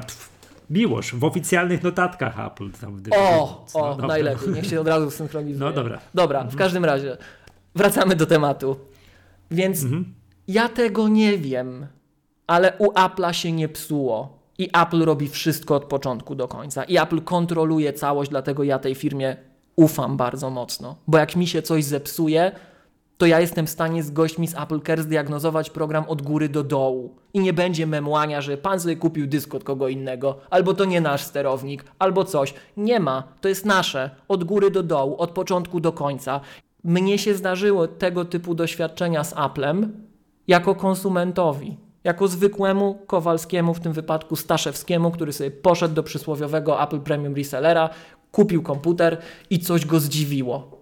Tak? Miałem, pozdrawiam pana ad Apple Care. Szacunek, głowę uniżam, super gość. Miałem kiedyś taki problem. Taki problem, którego zwykły człowiek pewnie nie ma. Zauważyłem w logach mojego Maca, że coś mi tutaj działa. Wormhole D. Wormhole Daemon. Wormhole, dziura, robak to od razu mi ciśnienie skoczyło. Jaki robak na moim pięknym maku? Ja tu dbam, żeby tu nic dziwnego nie było zainstalowane, żadnych czyścików. Zaraz wrócimy do tematu, tak? O Jezu. E, to no to długi odcinek bili, będzie. Długo, bili, tak. bili rekord długości odcinka, jak zresztą I, jeszcze mamy do czyścików. No dobrze. I co mi się tu dzieje? AirDrop. Pierwsza wersja AirDrop, ale nie udokumentowana nigdzie. Nie ma żadnej dokumentacji publicznej Apple'a, która o tym mówiła. Przynajmniej ja nie znalazłem, a dużo szukałem. I AppleCare mi powiedziało. AppleCare to wie, bo to jest Apple. Dzwonisz do gości i oni ci powiedzą. A jeszcze rozmowa była taka, że było widać, że gość po drugiej stronie to pasjonat, wie co się dzieje i, i widać, że on to rozumie, że to nie jest przypadkowa osoba. Mamy działające to w ten sposób, że system operacyjny sobie oceniając to, jakie rzeczy musi załadować, w jakich warunkach, czyli jakim hardwarem dysponując, jakim procesorem, jaką pamięcią, jakim dyskiem i tak dalej, on sobie szacuje, czy coś trzymać w ramie, czy nie trzymać w ramie. Jeżeli uzna, że trzymać w ramie, a tobie RAM się skończył, to wejdzie na słopa. Ten model też to zakłada. Ten model też to zakłada, jak miałbym przypuszczać, bo znowuż ja tego nie wiem, ja przypuszczam, że lepiej czasem mieć coś w słopie, nawet przeczytane, zrzucone i tak będzie wolniej, ale w formie rozpakowanej, e, niż trzymać to, czytać to z dysku od początku, bo koniec końców, jak to popatrzysz, ile potrwa jedna procedura, ile druga, to ta druga będzie tańsza, będzie szybsza. Użytkownikowi szybciej coś zwrócimy. I to są małe ilości, ale te ilości są powtarzane miliony razy na sekundę, mogą być przynajmniej teoretycznie, więc to się zbiera. Więc system operacyjny ma rozmaite mechanizmy optymalizacyjne, które biorąc pod uwagę bardzo, bardzo, bardzo, bardzo, bardzo, bardzo, mówimy już bardzo dużo zmiennych. Jedną z tych zmiennych jest rodzaj hardware'u. I takim przykładem takiego, gdzie stąd to moje podejrzenie, obserwując przez lata bardzo wiele różnych konfiguracji, czasem pstrokatych, ja przypuszczam, że system operacyjny, te mechanizmy optymalizacyjne inaczej traktują konfigurację, która ma zawsze gwarantowany dysk SSD, a taką, gdzie sobie użytkownik mógł dołożyć dysk SSD. No właśnie. Ale jakby, jest no. szansa, że to był dysk mechaniczny. Kolejna rzecz, inaczej pewnie system operacyjny traktuje dysk SSD, jak mogłeś sobie dołożyć Apple'owy, a inaczej nie Apple'owy. Kolejny i kolejna ilość narzekań, że przecież jak to Apple za taki sam dysk SATA tyle pieniędzy chciało, bla bla bla bla bla bla bla odsyłam do przykładu z Linuxem i tylko traceniem danych. Tak? Mhm. Dlatego ktoś to musiał zrobić, ktoś to musiał przemyśleć, wyprodukować i to nie jest za darmo. Tak? Dobra, Miłosz, od, odczytuję moje pytanie z karteczki. Czekaj, czekaj, czekaj, jeszcze chwila. Jeszcze chwila, zaraz no, o tym. Dobrze. Okay. Jeszcze no, no, jedna no. rzecz. I teraz przy okazji, jak już mówimy o tym allokowaniu pamięci, o tym wszystkim, to jeszcze dwie uwagi. Znowuż to wynika z po części z wiedzy, po części z tego, co ja Wam mogę wskazać w konkretnych dokumentach Apple'a, które są publicznie dostępne, a po części z mojego doświadczenia. Um, I mogę się mylić. Mogę się mylić. To jest pytanie ostatecznie, komu ufacie i czyjemu doświadczeniu, bo tak na, do końca to ostatecznie to wie tylko Apple, tak? I trzeba zapytać bardzo dokładnie, żeby taką odpowiedź dostać, jeżeli oni będą się tym chcieli podzielić, bo na przykład to może być jakiś trade secret i nie chcą. Co jest też zrozumiałe z innego powodu niekiedy. Co przy okazji, jak już zaczną narzekać w tym miejscu niektórzy, ja przypomnę, że większość stosu y, naszego narzędziowego i naszego systemowego to jest open source. Tak, to jest open source. Jak zobaczycie, jak, jakich kompilatorów się dzisiaj używa na otwartych platformach, złośliwi mówią, dlaczego Linux umiał drukować, to Apple to stworzyło. No Michał się skrzywiłeś. No Linux umiał drukować mhm. dzięki CUPS albo CUPS, Current Unix Printing System, którego już zresztą tam już ta nazwa nie jest używana i tak dalej, i tak dalej. My już, to już nasza przeszłość jest, żeby było jasne. Apple dzisiaj, to przy okazji też, jak już rozmawiamy, co się zmieniło, przypomnijmy, że od High Sierra Apple nie utrzymuje w nowych wersjach systemu czegoś takiego jak oficjalna lista wspieranych drukarek i skanerów, bo od teraz, znowuż to jest moje podejrzenie, ale przypuszczam, że jest tak, że wspieramy AirPrint i wszystko, co nam się udaje wspierać. Bo Apple mówi, że wspieramy AirPrint. Dekadę temu wyszedł iPhone, czas się ogarnąć. Jak nie masz urządzenia z ostatniej dekady, dekady które nie ma AirPrint, to może to zadziałać, bo może akurat jeszcze te sterowniki, które wspieraliśmy, to one jeszcze może uda nam się je zmusić do działania na tej wersji systemu. Ale jak nam wyjdzie, że sterownik nie mógł działać na 64-bitowej architekturze, to nie będziemy całego ekosystemu ludzi, którzy kupują kompy za 80 tysięcy albo za ćwierć miliona złotych, bo są fajne i szybkie, nie będziemy ich wstrzymywać z rozwojem. Nie sprawimy, że ten Mac Pro w jakimś zakresie działa wolniej, bo ty masz drukarkę sprzed 20 lat i ci się nie chciało kupić nowej. Przepraszam, Sorry. ja mam taką drukarkę. Bardzo mi przykro, Michał.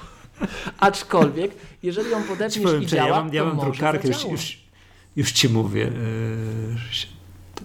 12-letnią, nie 13-letnią drukarkę. To może zadziała.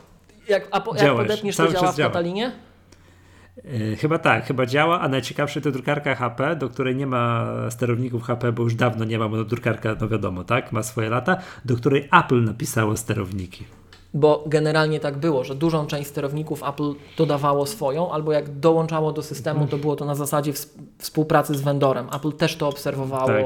mogło swoje tak. powiedzieć, tak? Tak, a to nie są sterowniki, które są tak wbudowane w system, no bo cała masa drukarek działa tak jak mhm, mówisz, tak, nie podłączasz, tak, tak. dajesz druku i to działa i już, nie? Albo jest przez AirPrint w powietrzu, to już w ogóle nic nie podłączasz, tak i to po prostu działa. E, to, moje, to, to jest drukarka, do której mm, muszę ściągnąć sterownik, wiesz, wygoogla, ściągać, o Jezu, gdzie to zakopane jest, ściągam i, i, i ze strony Apple, gdzieś tam i, i, i to tak, to, i muszę instalować, nie? To, I to tak działa. Masakra. Ale działa. Ja złego słowa nie dam na tę drukarkę po, powiedzieć, bo to już wszystko tam jest połamane, na przykład jakiś podajnik, coś tam i tak dalej. Ale jak kupię oryginalny toner, to działa wszystko, ja lata nie wymieniam tonera. Nie, nie znajduję, a przy okazji mam takie, wiesz, wewnętrznie ograniczam druk. Staram się, jak mogę, to nie drukować. Tak, nie, bo potem gdzieś te kartki mi giną, tego nie mam nigdzie i po cholerę mi to wszystko, tak? Jedyne jakieś teraz potrzeba, że też muszę tak, yy, wydrukowanie to po prostu córce do szkoły czasami raz na jakiś czas coś trzeba wydrukować. To jest jedyne zastosowanie tej drukarki. Nie znajdujesz żadnej motywacji do kupna nowej, świetnej, wypasionej drukarki, która na bank nie podziała mi 13 lat. Okej, okay, ale to miej tę świadomość, że jeżeli ten sterownik mm. ci jeszcze działa, Jasne. to dobrze, ale jakby się okazało, że nie działa, tak. to mieliśmy powód, żeby nie działał i to pewnie dlatego, że okay, nie chcemy jasne. tym wszystkim ludziom, co kompa za ćwierć miliona kupili, wstrzymywać jego rozwoju, bo ty nie raczyłeś przez 20 tak. lat drukarki zmienić. Sorry. Tak. Jak ci gości tak. od tych pendrive'ów i tych myszek, co to USB ich bolało, tak? W każdym razie w każdym, nawiązujemy do, naj, do najlepszych odcinków w historii, mam wrażenie. Dobry odcinek na myszka, nową dekadę. Myszka za 30 zł. Na czym za pendrive za 15. To słuchajcie, no. jeszcze jedna dygresja. Czy już mogę z moje, moje to tutaj? Nie, ten, jeszcze, jeszcze nie. Jeszcze jedno, jest, jeszcze, jedno było, no. jeszcze jedno było nawiązanie, bo mówiliśmy jak wyglądają mechanizmy optymalizacji i zarządzania pamięcią w macOS. To chciałem jeszcze jedną wbić szpilę z dwóch stron, ale to ja tak, słuchajcie, wbijam szpilę z miłości do środowiska, bo ja później muszę odkręcać te niektóre ym, mity. Tak? A czasem serce boli. I szkoda życia, szkoda strun głosowych, żeby sto razy powtarzać to samo. Powiedzmy już raz to na wizji, podpadniemy trudno, no. Może będzie większe, do... może ilość tego, ile ludziom zaoszczędzimy, będą nam wdzięczni, to ci, co nam będą źli, to może ogólnie karma będzie dobra, może do nas wróci. Albo wróci z jadem. Zobaczymy. W każdym razie, koniec dygresji do dygresji. E, kolejnym aspektem tego, jak system zarządza mm, pamięcią, jest to, e, że nie ma czegoś takiego, nie ma czegoś takiego, że ty mówisz systemowi, że on ma zwolnić pamięć. Nie ma czegoś takiego. System cię nie będzie słuchał. System wie lepiej od ciebie, jak on ma zarządzać pamięcią. To on jest panem, a ty jesteś gościem jako programista. Ty masz słuchać zasad, on je ustala. A z drugiej strony, skąd masz wiedzieć, jak w danej chwili zarządzać pamięcią w tym skomplikowanym ekosystemie? Taki Mac pod spodem to jest wszechświat. Jakbyście spojrzeli, to jest wszechświat, tam wszystko żyje, tam się rusza. Miliony różnych rzeczy naraz. Przyjdzie jakiś gość, który nie ma pojęcia, na czym on się wykonuje, jak to działa, jakie są mechanizmy optymalizacji. I on, mi, I on by miał mi mówić, że ja mam zwolnić pamięć? Jakim prawem? Nie ma czegoś takiego, że program może powiedzieć systemowi, że pamięć ma zwolnić.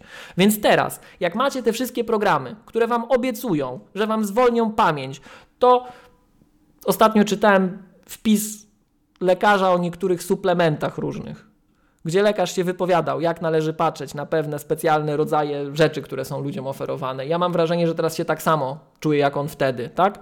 Odpowiedź jest taka, jak ktoś wam mówi, że wam zwolni pamięć, to kłamie. Nie zwolni, to jest kłamstwo, to jest oszustwo. Nie ma takiej możliwości, żeby zwolnić pamięć. Wiecie, jak te programy zwalniają pamięć? Ano, grają na te mechanizmy optymalizacji patrzą, ile mniej więcej mają pamięci w komputerze. Powiedzmy, że widzą 8 giga zamontowanej fizycznej pamięci w komputerze. Ty, Michał, miałeś takie ładne powiedzenie: przymykam jedno oko, tam zastanawiam się i szacuję, tak? Więc tak jak Wam mhm. powiedziałem, że za tym wszystkim stoi większa. Te, te... No. To jest tak zwana wiedza ekspercka. O właśnie, no to bardzo dobrze opisujemy tę sytuację. I tak jak Wam powiedziałem, że jest bardzo dużo różnych mechanizmów, co do których widać, jak ktoś ma doświadczenie, że ta sama sytuacja na różnym hardwareze się zachowuje inaczej i to nie jest przypadek. Tak? Tam jest powód. Ja mogę nie rozumieć tego powodu, bo nie widzę wszystkich, decy wszystkich decyzji, które musieli podjąć projektanci Apple'a, ale widzę, że w spójny sposób, w konkretnych okolicznościach oni zawsze podejmują taką decyzję, że na takim modelu się zachowują tak, a na innym inaczej i na pewno mają powód ku temu. Powód, którego ja nie znam, bo jest pewnie 100 innych warstw musiałbym widzieć, ale oni to wiedzą i to nie jest przypadek. I jak jest program, który zwalnia pamięć, to on wchodzi w cały ten złożony, taki intricate, działający, żywy ekosystem z buciorami, przymyka jedno oko i posługuje się tym, tej skali wiedzą ekspercką i patrzy tak.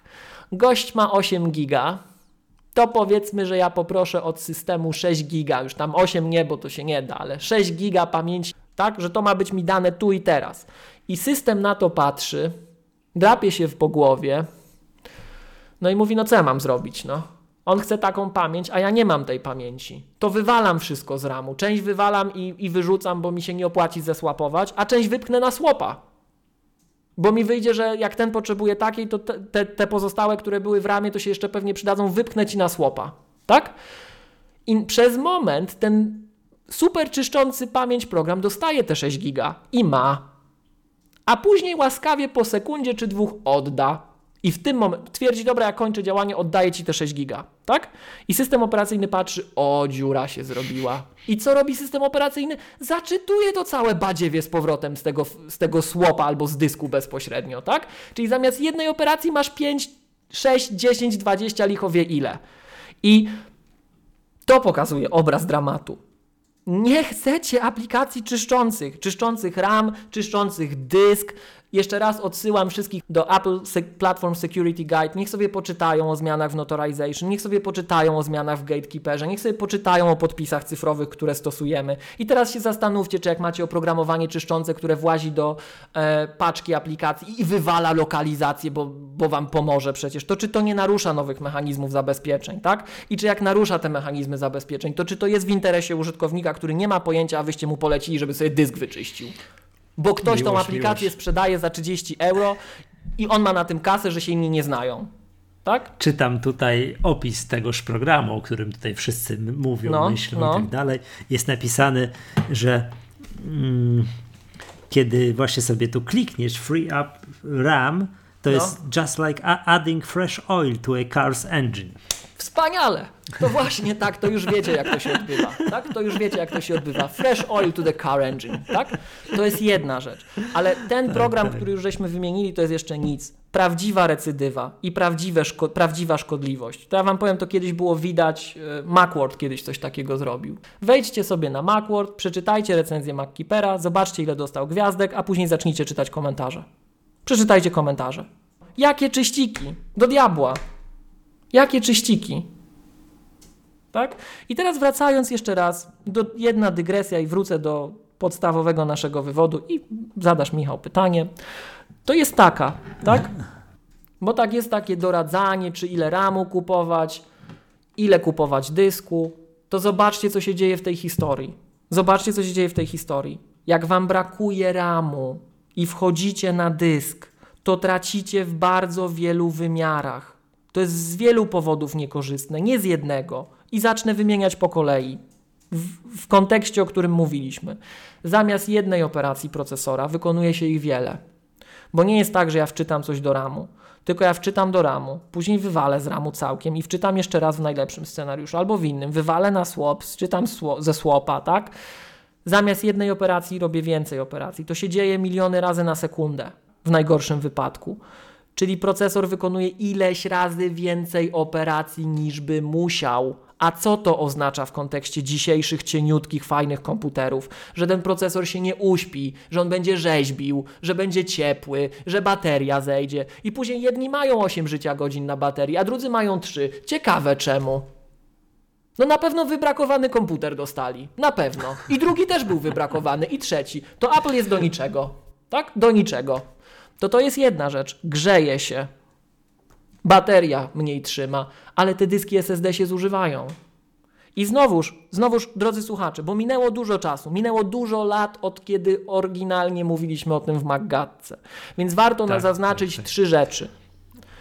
Dyski, które składa kolej, Apple... Przepraszam, już, już kolejne pokolenie. Kolejne pokolenie słuchaczy, pozdrawiamy, tak? Nawet za granicą, pozdrawiamy. Tak. E... Zobaczcie, dyski SSD się zużywają tym szybciej, im są mniejsze i są bardziej załadowane danymi. Więc jeżeli macie dysk zapchany pod korek i mały dysk, na przykład dysk 128 giga zapchany pod korek cały czas i jeszcze rzeźbimy po słopie, to zajedziecie ten dysk, jeżeli będziecie tego kompa długo używać. No nie ma siły, zajedziecie go, tak? Nawet, słuchajcie, też pozdrawiamy. Była ostatnio, była ostatnio dość fajna recenzja MacBooka Pro 16. I w tej recenzji Jaromir napisał wprost, że on przed tym komputerem używał MacBooka R. I chyba 6 lat go używał. I zajechał SSD. Zajechał SSD w te 6 lat. I wymienił, bo jeszcze mógł. Tak? Mhm. A teraz już nie możesz. I to, że nie możesz, jest dobre, żeby było jasne. Jak poczytacie, co ty tu robi, jakie on daje możliwości. Activation Lock daje, tak? Na Macach w końcu. Czyli jak wam ktoś ukradnie komputer albo go zgubicie, to jesteśmy w stanie go zablokować tak, że nikt go nie uruchomi.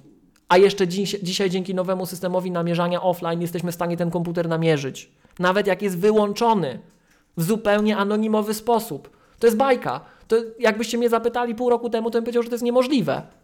No, pół roku to nie, bo pokazali na Dabdabie, ale rok temu. Powiedziałbym, że to jest niemożliwe, no bo jak? A okazuje się, że połączenie ni nowych niskonapięciowych procesorów, nowych modułów e, Bluetooth Low Energy, tak? Zaawansowanej jak diabli kryptografii i tego, że Apple kontroluje hardware, software and services jako jedyna firma na świecie, tak? W szerokim ujęciu, to możemy coś takiego zrobić. To jest science fiction. No ale jednym z następstw tego jest to, że dysk jest niewymienny.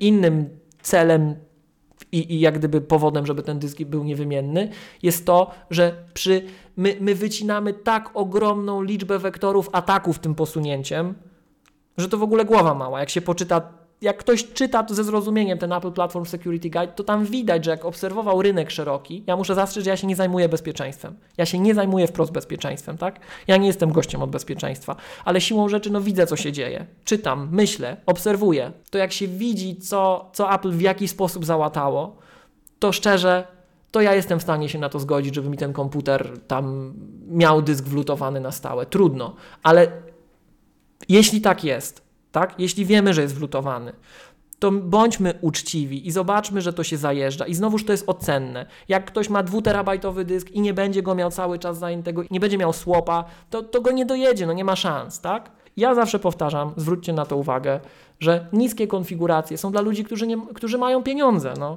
Jak nie masz pieniędzy i cię nie stać, żeby to częściej wymieniać, to kup lepszy sprzęt, to dołóż ramu, tak? Bo jak nie dołożysz, to się będzie grzał, to się będzie zajeżdżał, no nie będzie fajne. Poza tym, że się szybciej zajedzie, to będzie gorszy komfort pracy z tym komputerem, tak? W każdej operacji, jak mu ramu brakuje. To Dobrze. tyle.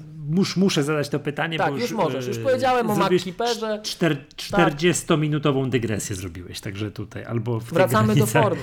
E, e, e, trzeba pytać, jak ten Mac Pro, to mówię, że 48 giga RAMu. Przy Wszedł na słopa. Podstawowej tak. rzeczy. Wszedł na Wszedł na słopa, to w ogóle wiesz, gdzieś musi tam, wiesz, przez sekundę potrzebował, nie wiem, mam wrażenie, że Dropbox, który właśnie został zainstalowany i tam sobie, wiesz, jakieś gigabajty musiał dociągać, to wskazałbym jako e, przyczynę, nie? Albo ten Wiedźmin, tak, którego też wydam dzisiaj ocenę, ile, ile, na, ile na 10 punktów, wiesz, pożar tyle ramu. No to tak, no to wideo wiemy dobrze, że to potrafi zżerać. Wychodzi na to, że kupisz komputer, przy tym co jest, że mm, system potrafi się rozpędzać. Coś mu tam potrzeba, za chwilę tak, tak okej, okay, tak. to sobie tego słopa odłożę, bo to lepiej tak niż go drugi raz ściągać, rozpakowywać, tak. przygotowywać i tak dalej że kupisz Macha, który będzie miał 1,5 terabajta RAM, on i tak w pewnych skrajnych yy, warunkach na tego słopa Wejdzie na słopa, jak mu załadujesz. No oczywiście, zawsze jak mu załadujesz do końca, to wejdzie. Tak? To jest pytanie o, to, to jest pytanie właśnie, co ty robisz, ile tego RAMu będzie zawsze zajęte, mhm. No jak to wpływa w Twoim wypadku na użytkowanie tego komputera. Bo jeszcze raz, umówmy się, to jest powiedziane na zasadzie takiej tongue in cheek. To jest, to jest przerysowany przykład tak? Że jak ja mam 48 giga RAMu i odpalam podstawowe rzeczy, to mi tego RAMu brakuje, bo jak ten system ci wszedł na słopa na moment, a swap, to też jeszcze jedną rzecz powiedzmy, swap na Macach jest alokowany w pulach. I znowuż to jest moja ja tego nie widziałem nigdzie, żeby to było wprost powiedziane, jak to działa, na zasadzie autorytatywnej, że Apple mówi, że to działa tak. Jeżeli ktoś ze słuchaczy ma dokumentację pochodzącą od Apple'a, publicznie dostępną, którą może mi wskazać, ja się z miłą chęcią dowiem. Poproszę o podesłanie i przeproszę, że wprowadzałem w błąd. Tak? Przeproszę, żeby było jasne, nagramy odcinek, powiem, przeproszę, odwołam do poprzedniego odcinka, w którym mówiłem rzeczy nieprawdziwe, bo jest obiektywny dowód na to. Ja tego nie wiem, ale są artykuły wsparcia Apple, które bardzo ogólnie na przykład mówią, że monitor aktywności, w którym zwykły śmiertelnik może sprawdzić, ile tego RAMu jest, pokazuje wykresik zużycia RAMu. Jak wykresik jest na zielono, to jest ok. Jak jest na żółto, mm, a jak jest na czerwono, to musisz koniecznie mieć inny komputer z inną ilością RAMu albo rozbudować RAM. Takie jest oficjalne stanowisko, więc teraz tak. To jest bardzo ogólne. I jeżeli masz 48 GB RAMu. I my troszeczkę weszliśmy na tego słopa, bo to, co chciałem powiedzieć w tej przed dygresją o artykule wsparcia, to to, że ja nie widziałem konkretnego dokumentu, który na to wskazuje, ale nigdy, nigdy przez te 15 lat, przez te wszystkie konfiguracje, nie widziałem w sytuacji, w której jak system wejdzie do słopa, to zwolni pulę i ją wyłączy całkiem. Że jak wszedł na słopa, nawet miał dużo RAMu, to ci odda RAM do, to ci słopa zamknie do zera. Nigdy. Musisz zresetować, żeby słop się zamknął. Tak to działa. On już zawsze będzie coś tam sobie trzymał. Będzie uznawał, że jak mu zabrakło statystycznie RAMu, to zawsze może zabraknąć i jakąś głupotę największą już na tym słopie zostawi. To będzie coś małego, tak? Mhm. I co innego jest, jak masz słopa na poziomie 100 megabajtów, co innego jest, jak masz słopa na poziomie 13 gigabajtów, i co innego to dla Ciebie oznacza, jak podstawowa ilość pamięci w komputerze to jest 16 giga, tak? Co innego jak jest 8, co innego jak 48, a co innego jak 384. Półtora ter. I jeszcze, Albo półtora tera. Tak, i mhm. jeszcze, bo to, to dotyczy generalnie używania komputera, ale co do zajeżdżania dysku w tym komputerze. Inna jest sytuacja, jak masz dysk 2, 4, 8 terabajtowy, a inna jest, jak masz 128 giga. I jeszcze inna jest, jak masz 128 giga i zajęte 20, a inna jak masz 128 giga i zajęte 120. Tak? Jeśli chodzi o żywotność tego sprzętu, fizyczną żywotność, kiedy trzeba go będzie wymienić. Po prostu, bo się wyeksploatuje fizycznie, koniec, kropka. Więc wracając do tego, no jak ktoś ma 48 giga RAMu, na prostych rzeczach wszedł na słopa, to nie znaczy, że jak on miał 48 giga RAMu i zobaczyliśmy słopa 100 mega, i jest zielony pasek przy tam dwa piksele wysoki na retinie na dole, to nie znaczy, że on ma za mało ramu.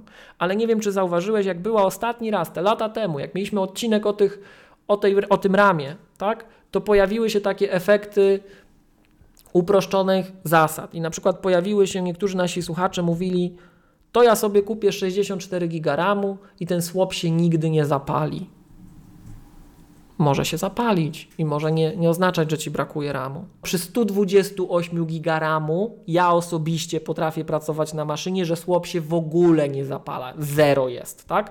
Przy 64 giga RAMu ja osobiście nie jestem w stanie tak pracować. Słop mi się zapala.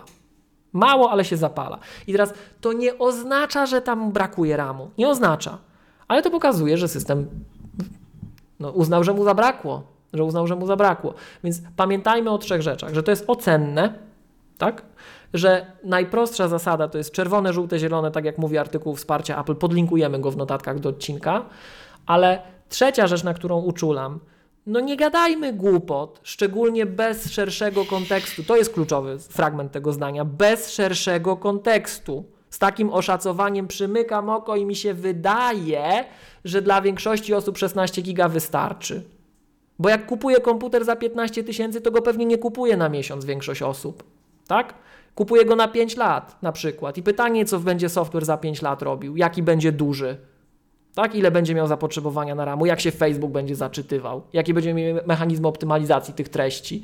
I teraz zwracajmy uwagę ludziom, podajmy kontekst, bo później, później takie rozmowy prowadzimy. My mamy takie pytania ze słuchaczy, tak? Bo tam ci powiedzieli tak, wy powiedzieliście inaczej, to jak to jest? Nie da się wypowiedzieć bez szerszego kontekstu. Musi być ten kontekst podany. Jak kontekstu nie ma, to to jest ocenne i można komuś zrobić krzywdę, jak jego te 15 tysięcy bardziej boli niż mnie na przykład, tak? Bo on sobie nie kupi drugiego komputera. To ja właśnie takie przypadki widziałem z komputerem 4 GB RAM, tak?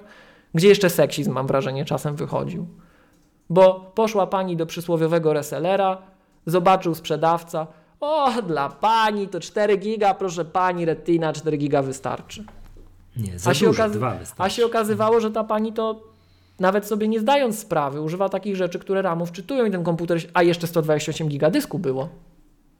I nikt tej pani nie wytłumaczył, że jak ona ma 128-gigowy dysk, to nie znaczy, że ona powinna mieć 120 giga zajęte swoimi rzeczami i będzie dobrze, bo czasem był słop taki duży, że brakowało miejsca na słopa i system operacyjny wyświetlał komunikat w stylu zamknij drzwi i okna i czekaj na koniec świata, nakryj się kołdrą, tak? Jak na moich lekcjach przysposobienia obronnego, procedura na wypadek, mm, na wypadek ataku atomowego, tak? To jest mniej więcej ta Dobrze. sytuacja. System operacyjny nie musi działać, jak nie ma miejsca.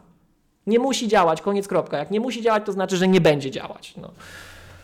Dobrze, Miłosz, skręćmy jeszcze na sekundkę w kierunku tego Maca Pro, bo żeś, bo wygłosiłeś tak, mowę tutaj, tak, wiadomo o no, czym, tak? No. no, to, to tak, ale czy coś jeszcze o tym Macu Pro chciałbyś dodać? Bo, bo to jakby, bo myśmy, jak myśmy, tylko, sobą... myśmy, tylko, myśmy tylko się otarli o tego Maca Pro poprzednio, no. mam wrażenie, i teraz też się tego, o niego otrzemy i mam wrażenie, że przez kilka jeszcze kolejnych magadek co najmniej będziemy o tym sprzęcie mówić w, różnym aspekt, w różnych aspektach.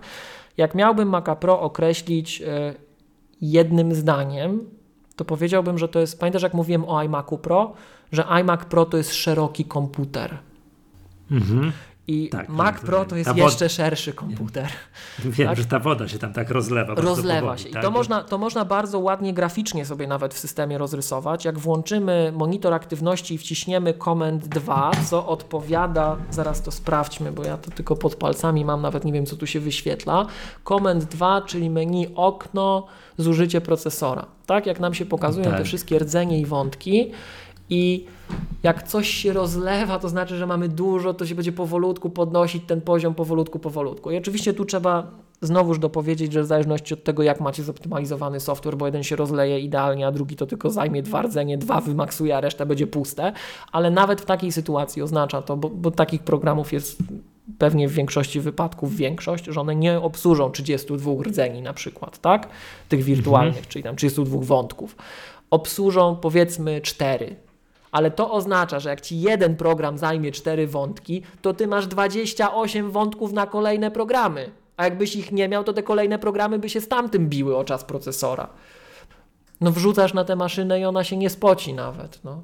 Ja tam wrzuciłem na Twittera, taki, wrzuciłem na Twittera taką ilustrację, jak właśnie na 16-rdzeniowym Macu Pro, czyli na takiej fajnej już konfiguracji, Puść, zrobiliśmy, Michał, to co my robimy, od czego zaczynamy szkolenia Maggatki z automatyzacji. Czyli budujemy toolchain e, tych narzędzi Unixowych, żeby można było łączyć AppleScript z, z Pythonem, z narzędziami Unixowymi. To jest ten słynny test, my o tym czasem mówiliśmy w Maggatce na, znowuż na prześmiewczej zasadzie, ale też to powiedzmy, bo to znowuż jak już, jak już mamy odcinek wyjaśniania, to wyjaśnijmy sobie i to, a co. I to jest rzecz, o której chciałem powiedzieć o Macu Pro, a zapomniałem przez tę dygresję. Dobrze, że się ten wątek pojawił. Pamiętasz, tak jak kiedyś się mówiło, o, bo ta śmietniczka to taka do niczego. Ten stary Mac Pro to był taki Mac Pro. Nie? I tak samo było jak Mac Mini był. Pamiętasz, jak był Mac Mini Quad-Core? O panie, te nowe Maki mi, te nowe Maki, a kiedyś to był taki Quad-Core. I były w środowisku takie dwa zdania właśnie, bardzo uproszczone. Jedno, że ten Mac Mini to był taki Quad-Core. A drugie, że ten twój MacBook to jest taka lipa, Michał, no. I my robiliśmy, to niektórzy słuchacze widzieli, bo mieli okazję przyjść na nasze spotkanie, szkolenie Maggatki, zobaczyć to na własne oczy. Nie, że my wam coś opowiadamy. Zobaczyć, doświadczyć, przeżyć. Nie, że my coś opowiadaliśmy. Było, można było dotknąć, tak? Budowaliśmy złożony toolchain narzędziowy. Ty budowałeś na swoim komputerze, kolega budował na tym quad-core z 16 RAMu, czyli miał więcej RAMu niż ty i z dyskiem SSD, bo oczywiście włożył do środka tak? No i twój komputer go wyprzedził znacząco. Twój komputer, mhm. ten, ten komputer, który miał przegrać, wyprzedził go znacząco. I to, co chciałem powiedzieć o nowym Macu Pro jeszcze, o starym Macu Pro, o generalnie komputerach obecnie sprzedawanych przez Apple, bo to się wszystko ze sobą łączy, to i to jest środowiskowy test. To jest środowiskowy test, ale taki, który każdy z Was może w prosty sposób potwierdzić. To nie jest tak, że tam trzeba coś specjalnie dubać. Jak wygląda kompresja wideo na tym starym Macu Pro? Pamiętasz ten stary Mac Pro, Michał? Taki fajny, ten sprzed 10 lat. To, co mówiliśmy, że się na Mojave zatrzymał, nie? Jak wygląda tak. kompresja wideo na takim, ja Ci zaraz znajdę zdjęcie, bo to było spektakularne. To było tak spektakularne, że ło, tak?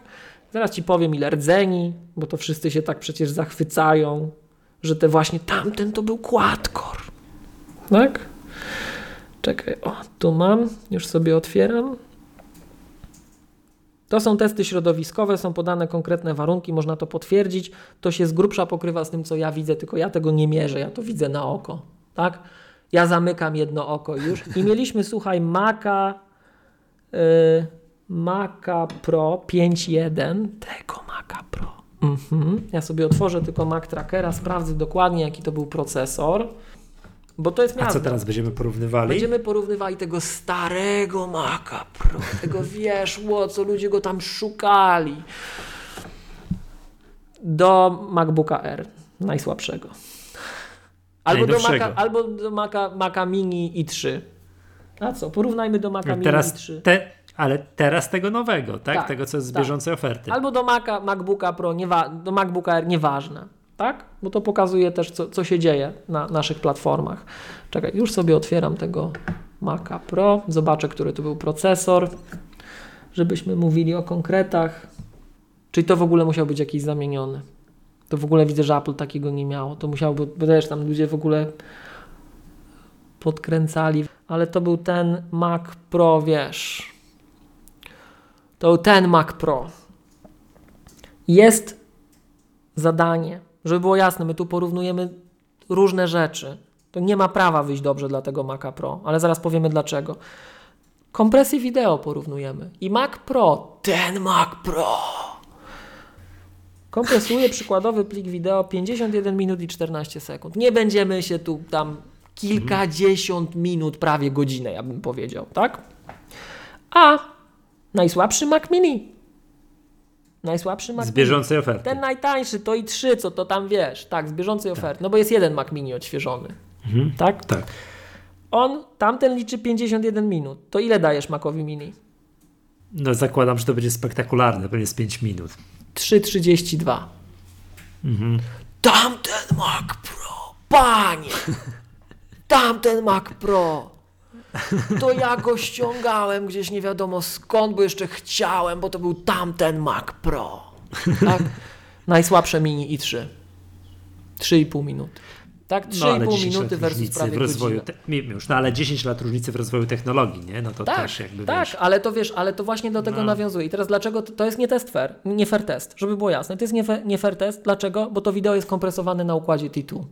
T2 ma akcelerację kompresji HEVC, tak? czyli High Efficiency Video Codec, czyli ten kodek, z którego Apple było tak dumne, jak wprowadzało High Sierra. I znowuż, zobacz, Zobacz. Czyli, przepraszam, iMac będzie wolniejszy, bo nie ma z bieżącej oferty, bo nie ma jeszcze z niewiadomych dokład, Dokładnie tak, dokładnie te, tak. Tego, I, tego, tego, te dwa. I jak śledzisz Apple'a, to jest znowuż cała ta dyskusja. To jest dokładnie to, co mówiliśmy tam pół godziny wcześniej, tak? Że pewnych rzeczy Apple nie mówi albo mówi w pewien sposób i pewnie ma ku temu jakiś powód, tak? Żeby tak powiedzieć, a nie inaczej.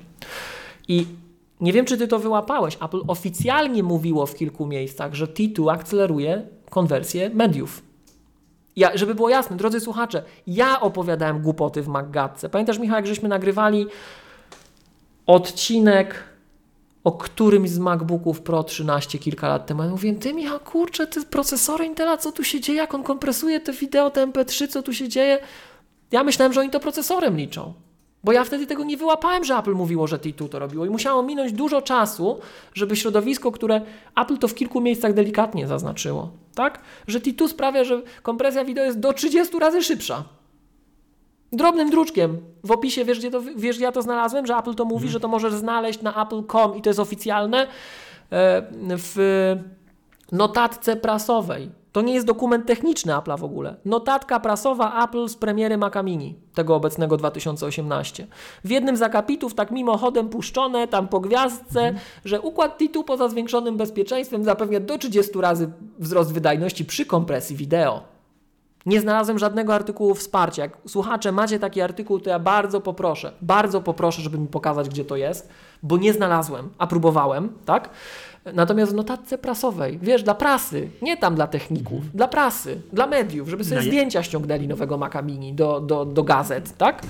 E, 30 razy szybciej. To ja pa pamiętam, że te, te dwa tytuł był reklamowany, że e, A bezpieczeństwo, B sterowanie touchbarem. I to taki tam malutki, że tam podtrzymujący życie, żeby ten touchbar nie zgasł, prawda? E, tak z touchbarem, tak, z touchbarem, z touchbarem tu widzisz, to też jest, to też jest doskonały temat, mhm. bo T2 y, jest następny, to jest custom silicon od Apple, to jest silikon stworzony tylko przez Apple, to jest ich własny procesor mhm. specjalizowany, który realizuje szereg funkcji, tak jak mówiłem, mo można, mo moglibyśmy o tym cały odcinek nagrać, bo to jest bardzo ciekawy temat. Y, i to jest następca układu T1, T1, i T1 rzeczywiście był odpowiedzialny za touch bar, ale przypomnijmy, że T2 został wprowadzony pod koniec roku 2017 z iMaciem Pro, który nie ma touch bara.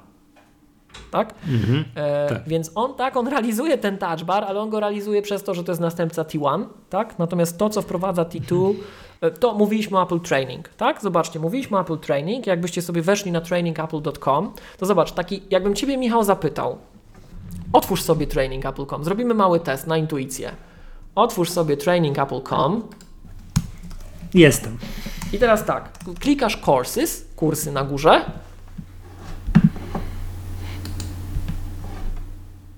Mhm. Masz i zobacz, przewijasz na dół i masz pięć ścieżek, z których Apple cię może wyszkolić. Tak? Masz iOS, ścieżkę iOS, ścieżkę macOS, Final Cut, Logic i Swift. No więc tak, Final Cut i Logic, powiedzmy, że nie, nie, dyskutujemy, nie dyskutujemy o, już wiemy, już to powiedzieliśmy, że T2 akceleruje kompresję mediów, więc i Logic i Final Cut go mogą wykorzystać pewnie, tak? No ale na tych kursach to się pewnie na czym innym skupiamy. Jak tego używać pod kątem kreatywnym. Ze Swifta, no powiedzmy, że w, zakładamy, że w kursie ze Swifta nie mówimy o tym, to są jakieś szczegóły implementacyjne. Tego nas, to nas nie dotyczy, ale patrzymy na dwie ścieżki techniczne. Patrzymy na ścieżkę iOS i macOS. Jak sobie przewiniesz w dół stronę, to zobacz, masz coś takiego jak Available Courses, dostępne kursy, tak? I w ścieżce mhm. macOS masz macOS Support Essentials 10.14, to o czym mówiłem, to jeszcze raz podpowiem, już 10.15 jest, są zapisy na nie robione, lada moment te kursy zaczną być odpalane. Stronę jeszcze pewnie Apple musi zaktualizować, ale jak popatrzycie na centra szkoleniowe, to one już zbierają zapisy na 10.15, czyli dostały od Apple zgodę na przeprowadzenie tych kursów tak, w nowej wersji, ale mamy ścieżkę macOS Support Essentials, mamy Apple Deployment Essentials, o którym powiedzieliśmy, tak? I teraz kliknijmy sobie jeszcze ścieżkę iOS, ok? Mam. Jest Apple Deployment i jest iOS Security and Privacy, tak? I jest jeszcze specjalna ścieżka dla partnerów, jest to ścieżka serwisowa, gdzie szkolimy serwisantów, pracowników autoryzowanych centrum serwisowych Apple, tak? I teraz z tych to są cztery kursy: iOS Security and Privacy, Apple Deployment, macOS Support Essentials i serwisówka. No i tam Final Cut, i Logic, i Swift. W którym kursie będziesz się uczył o T2? A, to czekaj, niech pomyślę. Który kurs, bo jeszcze raz przypomnijmy, to są kursy, które uczą ludzi, jak używać danych narzędzi albo te techniczne, jak wspierać użytkowników Apple. Tak, na przykład jakbyś chciał pracować dla Apple Premium Resellera, albo jakbyś chciał y, w korporacji jakiejś dużej pracować i zarządzać tym. No dobra, rozumiem. Zakładam, że będzie, zakładam, że będzie w macOS Support Essentials. Tak. I, tak, to jest, I to jest taka odpowiedź bardzo dobra, bo ten kurs jest po prostu mhm. na wylot przesiąknięty z tym, co Titu oferuje, ale pełna odpowiedź jest taka, że on dotyczy każdej ścieżki technicznej. To wpływa na Apple Deployment Essentials, to wpływa na iOS Security and Privacy, to wpływa na szkolenie serwisantów. Mały chip reklamowo sytuowany w jedną stronę, ale dotyka ścieżek każdej z tych technicznych, każdej. To pokazuje zarówno to, o czym mówiliśmy wcześniej, że nie ma prostych odpowiedzi banalnych, bez narysowania kontekstu, że wystarczy 16 ramu zawsze, albo nie daj Boże czyściki instalujcie. Nie na Boga nie instalujcie czyściki. Jak będziecie chcieli, to my na szkoleniach Maggatki bardzo, to ja tam dwie godziny krzyczę, dlaczego nie, tak? Możemy w którymś odcinku następnym opowiedzieć, ale to będzie znowu takie jak dzisiaj, trucie, więc jak dożyliście do tych słów, jeśli my to w ogóle opublikujemy i nie potniemy, a, o Boże, to, już się boję tego. To jeżeli no. byście chcieli, żebyśmy powiedzieli, dlaczego nie czyściki, to będzie taka tyrada. Pełna emocji, widzicie, bo to nas ewidentnie rusza. Mamy emocjonalny związek z tematem w tym względzie. E, ale to przez to, że tyle tych biednych ludzi sobie krzywdę zrobiło na przestrzeni lat, tak? Miłosz, przepraszam cię, faktycznie, wiesz co, znalazłem taki dokument techniczny o tym Aha, Titu. No. Yy, ze strony Maca Mini, gdzieś tam, tu, tu doczytaj więcej o tym procesorze. No. Jest tak, w czym to pomaga? Pomaga e, jest tam to, wiesz, to Secure Enclave, tam gdzie tak, to jest Touch ID, tak, tak, gdzieś to, to jest część coś, układu Titu. Tak, tak. tak jest gdzieś tam, wiesz, storage encryption, tam gdzie tak. jest APFS, tak. File Vault, tak. te, te informacje, on w tym pomaga. Jest bardzo dużo, wiesz, secure boot, nie, że o tutaj, wiesz, żeby to bezpiecznie wszystko, o bezpieczeństwie. Nie ma nie ma w ogóle nigdzie nic. Jest też, też taki rozdział, musiałem doczytać, Hardware Microphone Disconnect. Tak. Podejrzewam, mhm, że tak. Odłączenie coś z mikrofonu. Tak. mikrofonu. Mhm. Nie ma nigdzie nic, a jest, wiesz, dokument ma kilkanaście stron o tym, że ten system pomaga w to, co mówiłeś, w kompresji wideo. Dokładnie tak. I to jest, to jest, słuchajcie, drodzy słuchacze, czasem trudność. To jest trudność, z którą się na przykład certyfikowani specjaliści Apple'a mierzą. Bo oni przeszli mhm. certyfikację w jakimś zakresie i Apple wymaga, że jak się zajmujesz tym, masz wiedzieć tyle. I wiesz, i jak zdasz egzamin, to my gwarantujemy, że wiesz. Nawet Cię będziemy promować. Jak klient będzie w Polsce szukał specjalisty, to Apple wskaże Ciebie, tak? Ale my pokazujemy ten fragment, bo to Ciebie dotyczy, a czasem czegoś nie pokazujemy, bo nie możemy, a czasem coś wyjdzie z czasem, a czasem jest tak, jak mówiliśmy wielokrotnie w Maggatce, że Apple buduje feature'y, buduje powolutku, powolutku, powolutku i to nie jest tak, jak niektórzy właśnie też płytko oceniają, za co my, na co my się zawsze jeżymy, że a to jest niepotrzebne, a tam to jest do niczego, a tu na pewno nam postarzają sprzęt, bo każą się przesiąść. Nie. Czasem widzimy, dlaczego wyszło to, czy tamto, czy siamto, czy jeszcze coś, bo te wszystkie cztery rzeczy się spinają razem z tą piątą, która wyjdzie za trzy lata. I oni to od razu musieli mieć narysowane i przez te ileś lat szli konsekwentnie do celu. Więc to jest ten problem, że czasem wszystkiego nie widać. No i T2 to jest taki właśnie super fajny przykład, bo to, co wymieniłeś, to jest mniej więcej połowa tego, co Titu oferuje, tak? Jak sobie popatrzysz, przynajmniej z tego, co no. wiemy, może jest jeszcze coś, o czym się dowiemy za jakiś czas, tak? Jak na przykład, pamiętasz, było z tymi, z tym odblokowywaniem bezpiecznym urządzeń, że na początku była jedna twarz, a teraz niektórzy twierdzą, że są dwie, albo tak jak Apple mówi, są dwa, dwa wydania tej samej twarzy, tak? Mhm. Także tu jest, tu jest bardzo, bardzo, bardzo, bardzo dużo mm, zmian i to wpływa, to też wpływa na to, jak jest zbudowany macOS, bo macOS z tym współgra. I to, co powiedzieliśmy już na początku audycji, że jak ktoś przyszedł na szkolenie MacGatki na etapie High Sierra, tak, to te dwie zmiany przede wszystkim, to są podstawowe zmiany. macOS Catalina i T2 Security Chip sprawia, że jakbyście przyszli dzisiaj na to samo szkolenie, to samo szkolenie MacGatki z macOS, z podstaw obsługi macOS, to będzie inaczej. To wy będziecie widzieli, że my mówimy o tym samym, ale wszystko jest inne. Wszystko jest inne, a nawet jak jest podobnie, to i tak się zmieniło. tak? E, no bo mamy inny, inną rzeczywistość. Mamy inną rzeczywistość, nie? Mhm. To jakby co do 28 marca przypominam we Wrocławiu, tak? To, tak, tak, to tak, wtedy, tak. tak. Więc jeszcze, jeszcze tylko jedno zdanie, tak? No. Nawet dwa. Mac Pro jest szeroki. Wrzucasz na niego te wszystkie rzeczy, bo to od tego pytania się zaczęła cała ta dygresja o T2, o mhm. Macu Mini i tak dalej, i tak dalej, tak? Mac Pro jest szeroki.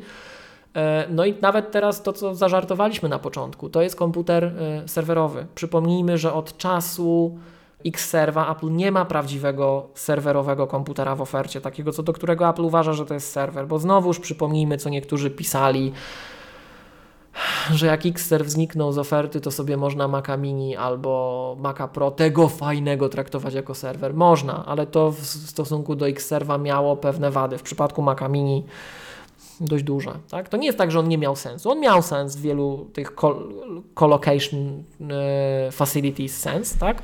ale to jest szeroki komputer, to jest komputer zbudowany na pamięciach ECC, więc to, co niektórzy twierdzą, że się nie przyda, to myśmy też to chyba wyniknęło, dostaliśmy taką dużą ilość feedbacku ze strony słuchaczy, spora część była taka, że co my za bzdury wygadujemy, tak? I my poza, poza audycją żeśmy wskazywali na badania przeprowadzone przez IBM, badania naukowe, tak? gdzie oni oceniali występowanie tego zjawiska fizycznie i to wpływa na stabilność. To użytkownicy Maców Pro znają jako taką na zasadzie tak, takich powiedzeń środowiskowych. No to słynny John Syracuse, co mówi, tak? Pozdrawiamy, chociaż on nas pewnie nie słucha akurat. Ale skąd wiesz, może się polskiego uczy? Podobno są tacy. Mo a, może on też się polskiego uczy, tak, tak. To, to co on zawsze powtarza, tak, że że ten Mac Pro jest stabilny jak skała, a inne komputery nie są tak stabilne jak skała, nawet Maki. No to wynika z tego, to jest jeden z czynników, który na to wpływa, że ten ECC to nam gwarantuje, że te bity się nie przełączą. I w tej istotnej, krytycznej przestrzeni, takiej jak kernel space, no nie przełączy się, bo jak się kernel Wam przyłączy, to, to powodzenia, tak? To nie jest piksel, który zmieni kolor.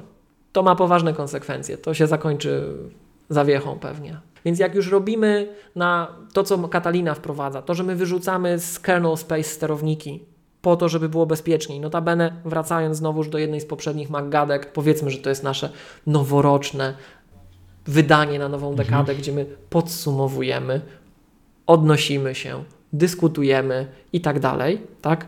Czyli zaduma, słuchajcie, zaduma i powiedziałbym spokój, ale to chyba nam nie wyszło, mnie nie wyszło, tak?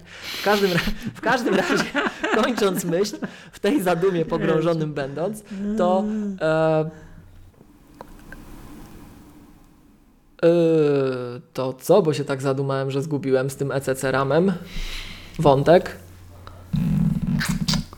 No nie wiem no to te maki są stabilne i to nie jest przypadek, że ten RAM ECC jest wkładany, że za niego płacimy, tak?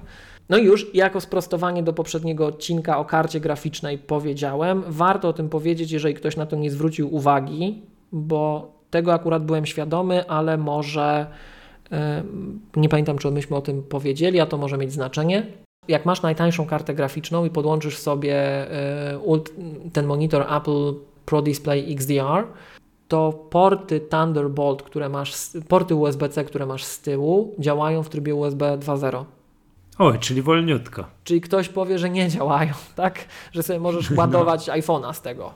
To wynika z braku przepustowości w, tym, w, tym, w tej konfiguracji, tak? Żebyśmy mogli przepchnąć 6K, to już brakuje, jak, jak mówiliśmy, że ta rura już jest za mhm. cienka, żeby jeszcze tam mhm. USB-C tak pracowało jest, lepiej. Tak. tak. Więc mamy USB-C w prędkości e, USB 2.0. To też warto gdzieś tam widzieć, ale komputer generalnie jest szeroki, więc e, no jak tam mamy te 32 wątki, to 48 giga RAMu. Ja na przykład w swojej maszynie to już wiesz, nie odważyłbym się. Natomiast nowe spostrzeżenia są takie, że jak widzę, jak te karty się montuje, jak się wkłada te promysy, to, no to jest poezja. To widać, że to jest od początku tak zaprojektowane, że oni pomyśleli, ale to z jednej strony jest zaprojektowane tak, że jakby to powiedzieć, to budzi zaufanie. Wkładasz i widzisz, że to jest stabilne, a wyglądałoby, że tam nic nie było. Tak? Z drugiej strony, jak widzisz, jak to się zahacza, to to działa za pierwszym razem, jak to widzisz, to myślisz, przepraszam, powiem brzydko, skurczy byki, no. Przewidzieli to, abym nie powiedział, jak nie zobaczę, jak to jest sprytnie zrobione. Nie powiedziałbym, że tam są w ogóle, wiesz, jakieś szyny na dyski. Jakie szyny na dyski? Przecież tam jest pusto, tam nic nie ma. Okazuje się, że jest, tylko trzeba wiedzieć, gdzie patrzeć i jak to złożyć. tak? Także mhm. zachwycający, zaskakujący komputer, otwierasz jest pusto, wkładasz karty, żadnych kabli praktycznie, bo można zrobić, okazuje się, że można zrobić komputer rozbudowywalny, gdzie nie ma kabli, jak w typowym PC-cie. No bajka, bajka. Super. Miłosz, ogłaszam uroczysty koniec odcinka, mimo tego, że tu w planie jest jeszcze trochę, ale drodzy słuchacze, nie chcecie wiedzieć, która jest godzina w nocy. Może nagramy jeszcze raz. Zobaczymy. O, to też tak się może zdarzyć, tak? To jeszcze raz, słuchajcie, jak czasem nie publikujemy, gdyby to się ukazało i okazało, to nie dlatego, że nam się nie nagrywa, dlatego, że takie odcinki wychodzą. To właśnie dlatego. I my to grzecznie dotychczas wrzucaliśmy do szuflady. Może tak, przełamiemy tak, tak. tę serię. Może do usłyszenia. Drodzy Państwo, ja tu miałem jeszcze kącik kulturalny, magatki i tak dalej. Yy, no parę rzeczy jeszcze. A to nie, to kącik kulturalny to dawaj, to dawaj, bo to Michał wyjdzie, że jad się wylał, to... Yy, w kąciku kulturalnym magatki jest tylko tyle, że obejrzałem Wiedźmina w całości i to jest tak mój zachwyt malał z każdym odcinkiem, tak? Także to, to mówiliśmy poprzednim tym, nie? Nagraniu, że to, wiesz, że wszyscy Polacy uważają, że Geralt z Rivi jest Polakiem, tak? To jest wiesz, dzieło narodowe niemalże i tak, tak. dalej, że wszyscy na tak. to czekali, cała Polska się rzuciła na Wiedźmina. Jestem ciekaw wyników Netflixa za kolejny jakiś tam kwartał, no bo to mm, nikt o niczym innym nie mówi, tylko o tym Wiedźminie, a to jest taki, powiedziałbym, taki set ten serial, tak? Tak w dużym tutaj uproszczeniu. Jestem ciekaw tutaj opinii słuchaczy o tym Wiedźminie. Też to, to no obejrzałem, ale tak słyszałem, ktoś to mówił, nie pamiętam gdzie, czy gdzie, że oglądał od, nie od pierwszego odcinka, bo przypadkowo włączył któryś tam i się w ogóle nie zorientował, nie? Także a już jakby pokazując, że serial jest, no wiesz, tu się dzieje coś, linia czasu nie jest zachowana w tym serialu. Tu się dzieje coś, parę odcinków, potem w kolejnym odcinku jest coś, co jest w poprzednim odcinku, czasie i tak dalej, że Netflix musiał takie, mm, puścili, takie jakby to powiedzieć, takie plansze, gdzie było wytłumaczone, co się gdzie dzieje. Nie, że tu jest pierwszy, drugi czyli później trzeci jest tu, a później musisz wrócić, bo jest czwarty jest gdzie indziej, czasowo i tak dalej. Skoro musieli takie coś publikować, tłumaczyć ludziom o co chodzi, no to znaczy, że przesadzili, nie? Przesadzili, także to, mhm. no plus do tego jest to, że minimalnie lepiej będzie się oglądać tym osobom, co to te, wiesz, 20 lat temu czytały jednak te książki Sapkowskiego. Ktoś, kto tego nie czytał, będzie momentami siedział jak na tureckim kazaniu. Co ta ja co ta, je, je, ja przepraszam, co ta Yennefer i co ta Aha. Ciri, nie mylić z Siri, tak? tak? Siri, co tak. one w ogóle mają ze sobą Jak to było? Siri tak, Rewind. Tak, tak. tak, ale wiesz, co one w ogóle mają wspólnego, co to wszystko, o co chodzi i tak dalej, a tak w ogóle to o co chodzi, nie? To, to tak, takie jest takie wrażenie, nie? A tak jeszcze tutaj jeszcze o tym Netflixie, ponieważ to dawno nie subskrybowałem Netflixa, tak? Bo to miałem gdzieś tam przerwę i tak dalej. Jak sobie włączyłem i mam ten miesiąc, to puści, no mam, zakończy mi się za chwilę, muszę zdecydować, co z tym robić. Yy, no chyba nawet do dzisiaj, tak, do 19. No muszę te, to włączy, włączyłem sobie, a coś sobie jeszcze obejrzę, serialu, który kiedyś nie miałem czasu i tak dalej, włączyłem sobie Narcos. I trzy razy lepszy serial. Oczywiście zupełnie o czym innym, zupełnie inaczej nagrany, zupełnie inna tematyka, inna forma realizacji i tak dalej. To pochłonęło mnie. Uważam za genialne. Rewelacyjnie. Super się to ogląda. No a Wiedźmin to tak no nie jest to coś, do czego chciałbym wracać póki co, tak? Także to tak, tak w, du dużym, w dużym, dużym skrócie, tak? No, nie porwało mnie, tak? Podobna sytuacja jak z tym, z Grą o Tron i z Czernobylem, tak? Jak to kupiłem sobie wtedy to HBO na Grę o Tron, a obejrzałem Czernobyl i wszedłem wtedy, wow, fantastyczne, nie? To tak samo tutaj, wiesz, kupiłem sobie tego Netflixa dla, dla Wiedźmina, który jest taki sobie, tak, a zachwyciłem, zachwyciłem się Narcos, tak? To to, to i jeszcze słowo chciałem o, jeszcze słowo w kąciku kulturalnym Maggatki, o Oprze. Tak? O właśnie, właśnie na to czekałem. O Oprze, które właśnie nie wiem jak to jest, bo pojawił się w Apple TV Plus drugi. O Jezus, ileż to było przerwy, bo tam ma te, te książki, tam coś wiesz, to jest jak się nazywa ten, jak się to nazywa? To czekaj, Opra, czekaj, czekaj, czekaj, Jezus Maria. Klub Książki Opra, o tak się nazywa, przepraszam, tak? Jest odcinek drugi. Tak? O, czyli już mogę się brać za oglądanie w końcu. Jest, jest odcinek drugi, ale w tak zwanym międzyczasie gruchnęła wieść, że nie wiem, Opra zablokowała, czy w ogóle puściła się w ogóle tam z Timem Cookiem i całą ekipą, że nagrywali jakiś film, odcinek tego, tej Opry, tak, o, o popularnej tematyce, bo przecież cały serial The Morning Show o tym mówi, czyli o mitu i coś się tak i coś mhm. się tak poprzytykali, że Opra powiedziała, że ona to pierniczy i i ona protestuje i ona blokuje, tam, że ona się nie zgadza na publikację czegoś i jest głośny news. I właśnie muszę tylko doczytać, czy ona w ogóle się obróciła na pięcie, wyszła z białego pokoju, tak? Czy, czy po prostu tylko jeden, jeden odcinek tutaj, jeden odcinek yy, pozwoliła sobie, wiesz, gdzieś, gdzieś, gdzieś tam czegoś tam, jakiegoś programu zablokować, tak? No jest takie coś, tak? No. Także to. To, to gdzie, ja ją, gdzie ja ją będę oglądał, jak, jak, jak, jak już jej nie będzie. A obejrzałeś ten pierwszy? Tak. Obejrzyj, bo to tam. No właśnie nie, muszę obejrzeć, muszę obejrzeć. To słuchaj, z kolei moje dodatki do kącika mhm. kulturalnego Maggatki to e, tak, chciałbym, no bo tak, o, mówiłem, że będę tą oprę oglądał, ale jeszcze nie zdążyłem, jakby to powiedzieć, to jest ten okres, kiedy się uczymy, tak? Ale dwie rzeczy mi wpadły w oko. Jedna, taka słuchaj, językowa. Radosław Trzeciak, z Twittera, pozdrawiamy serdecznie, e, retweetował nam e, tweeta Karoliny Bacy Pogorzelskiej. To chyba jest pani Karolina, bo to jest K Baca Pogorzelska, z tego co pamiętam. No to jest bardzo słynna pani redaktor e, z zakresu finansów. Tak, ale to jest pani Karolina. Oczywiście. Tak, tak jest. Ja panią Karolinę kojarzę, że ona bardzo dobrze orientuje się w sektorze węglowym, tak, energetycznym. Tak jest, dokładnie. Dokładnie tak. Jak ja, jak ja ją widzę, to ją widzę taką, wiesz, tam. W, nawet tu, o, nawet tu ją widzę, w kasku górniczym. Tak, prawidłowo. Ona jest z tego mojego, przepraszam, ona jest z tego mojego finansowego pudełka. Yy, to stamtąd. A, czy, a, a znasz panią Karolinę osobiście? Nie, nie. To pani Karolino tak czy inaczej gorąco pozdrawiamy. Mhm. E, Radosława Trzeciaka też gorąco pozdrawiamy i dziękujemy za wskazanie tweeta pani Karoliny. Podlinkujemy w mhm. odcinku. Tweet brzmi tak. Pierwsze miejsce wśród węglowych błędów, jakie prostuję, zajmuje zdanie: rząd kupuje węgiel z Donbasu. Wyjaśnienie: rząd nie kupuje węgla w ogóle, a antracyt z okupowanego Donbasu kupują firmy prywatne. Ale teraz jest drugi walor edukacyjny. Dziś do kącika edukacyjnego dochodzi hałda versus zwały. Hałda to są śmieci, a zwały to są zapasy. Dziękuję. A, no i... czyli to masz. Czyli ty nie kupujesz tam monitorów na, na, na hałdę, tylko na zwały. Radosław Trzeciak zatweetował do nas, że chyba trzeba będzie powiedzonko zmienić. Tak, nazwały.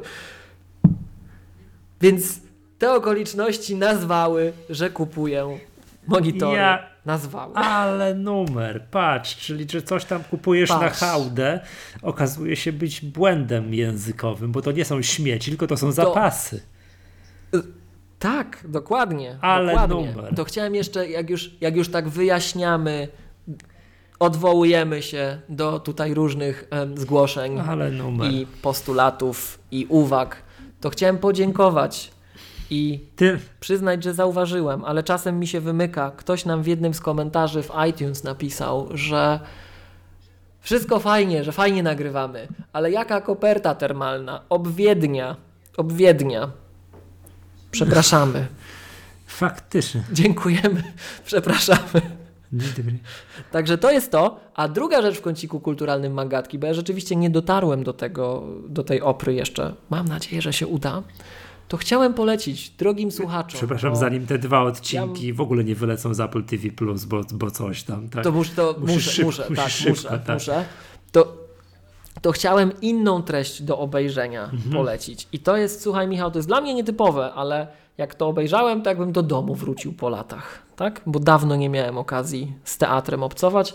E, tak się złożyły okoliczności, e, że zainspirowały mnie do obejrzenia komedii romantycznej w teatrze telewizji. Podlinkujemy. Takie coś, co zawsze w, Fajna sztuka. za PRL-u leciało w poniedziałki. Kobra, czy coś takiego. Tak, ja nie wiem, ja nie, Wstyd, wstyd się przyznać, ja nie mam telewizora. Nie wiem, czy to teraz leci, ale na stronach TVP jest teatr telewizji i jest trochę tych sztuk. I powiem szczerze, jak to obejrzałem, to jakbym do domu wrócił z dalekiej podróży.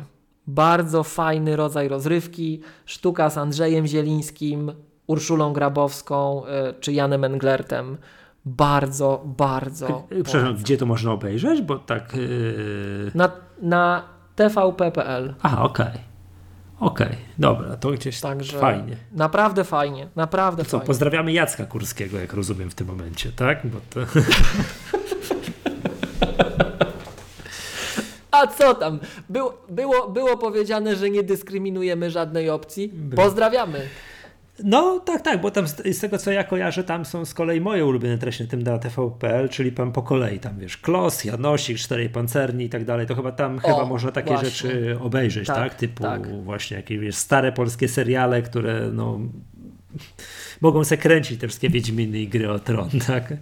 To, to, to tego nic nie przebije. To zdaje się, że tam jest gdzieś obok, a to story, ten teatr telewizji musi być strasznie głęboko zakopany, prawda? Bo tego przyznam się szczerze, się szczerze nie widziałem. Ale dobra, jak jest to fajnie. Dobrze. Yy, drodzy słuchacze, to wszystko. Mieliśmy jeszcze podsumowanie roku robić, takie wiesz, rozczarowania, coś tam i tak dalej, ale to jest temat na kolejne pół godziny, a ja już padam. O Jezus Maria, która jest godzina. Yy, dobra. Ogłaszam uroczysty koniec tego wspaniałego odcinka. E, nie zgadzam się miło już na powtórne nagrywanie, tak tym razem. Od, od razu, od, od razu ci, od, mów, mówię ci to dzisiaj, dobra? E, no i. Zobaczymy, ile wytniemy. No, w takim dobra, razie. Tak jest. Dobrze. Gorąco pozdrawiamy, tak jak sobie tutaj mówimy jeszcze raz, yy, naszych tutaj przyjaciół z firmy Wózki Widłowe Lifter i bardzo dziękujemy za wsparcie. Do usłyszenia i do zobaczenia. Ja nazywam się Michał Masłowski. Z tej strony Miłosz Staszewski z K7. Do usłyszenia następnym razem.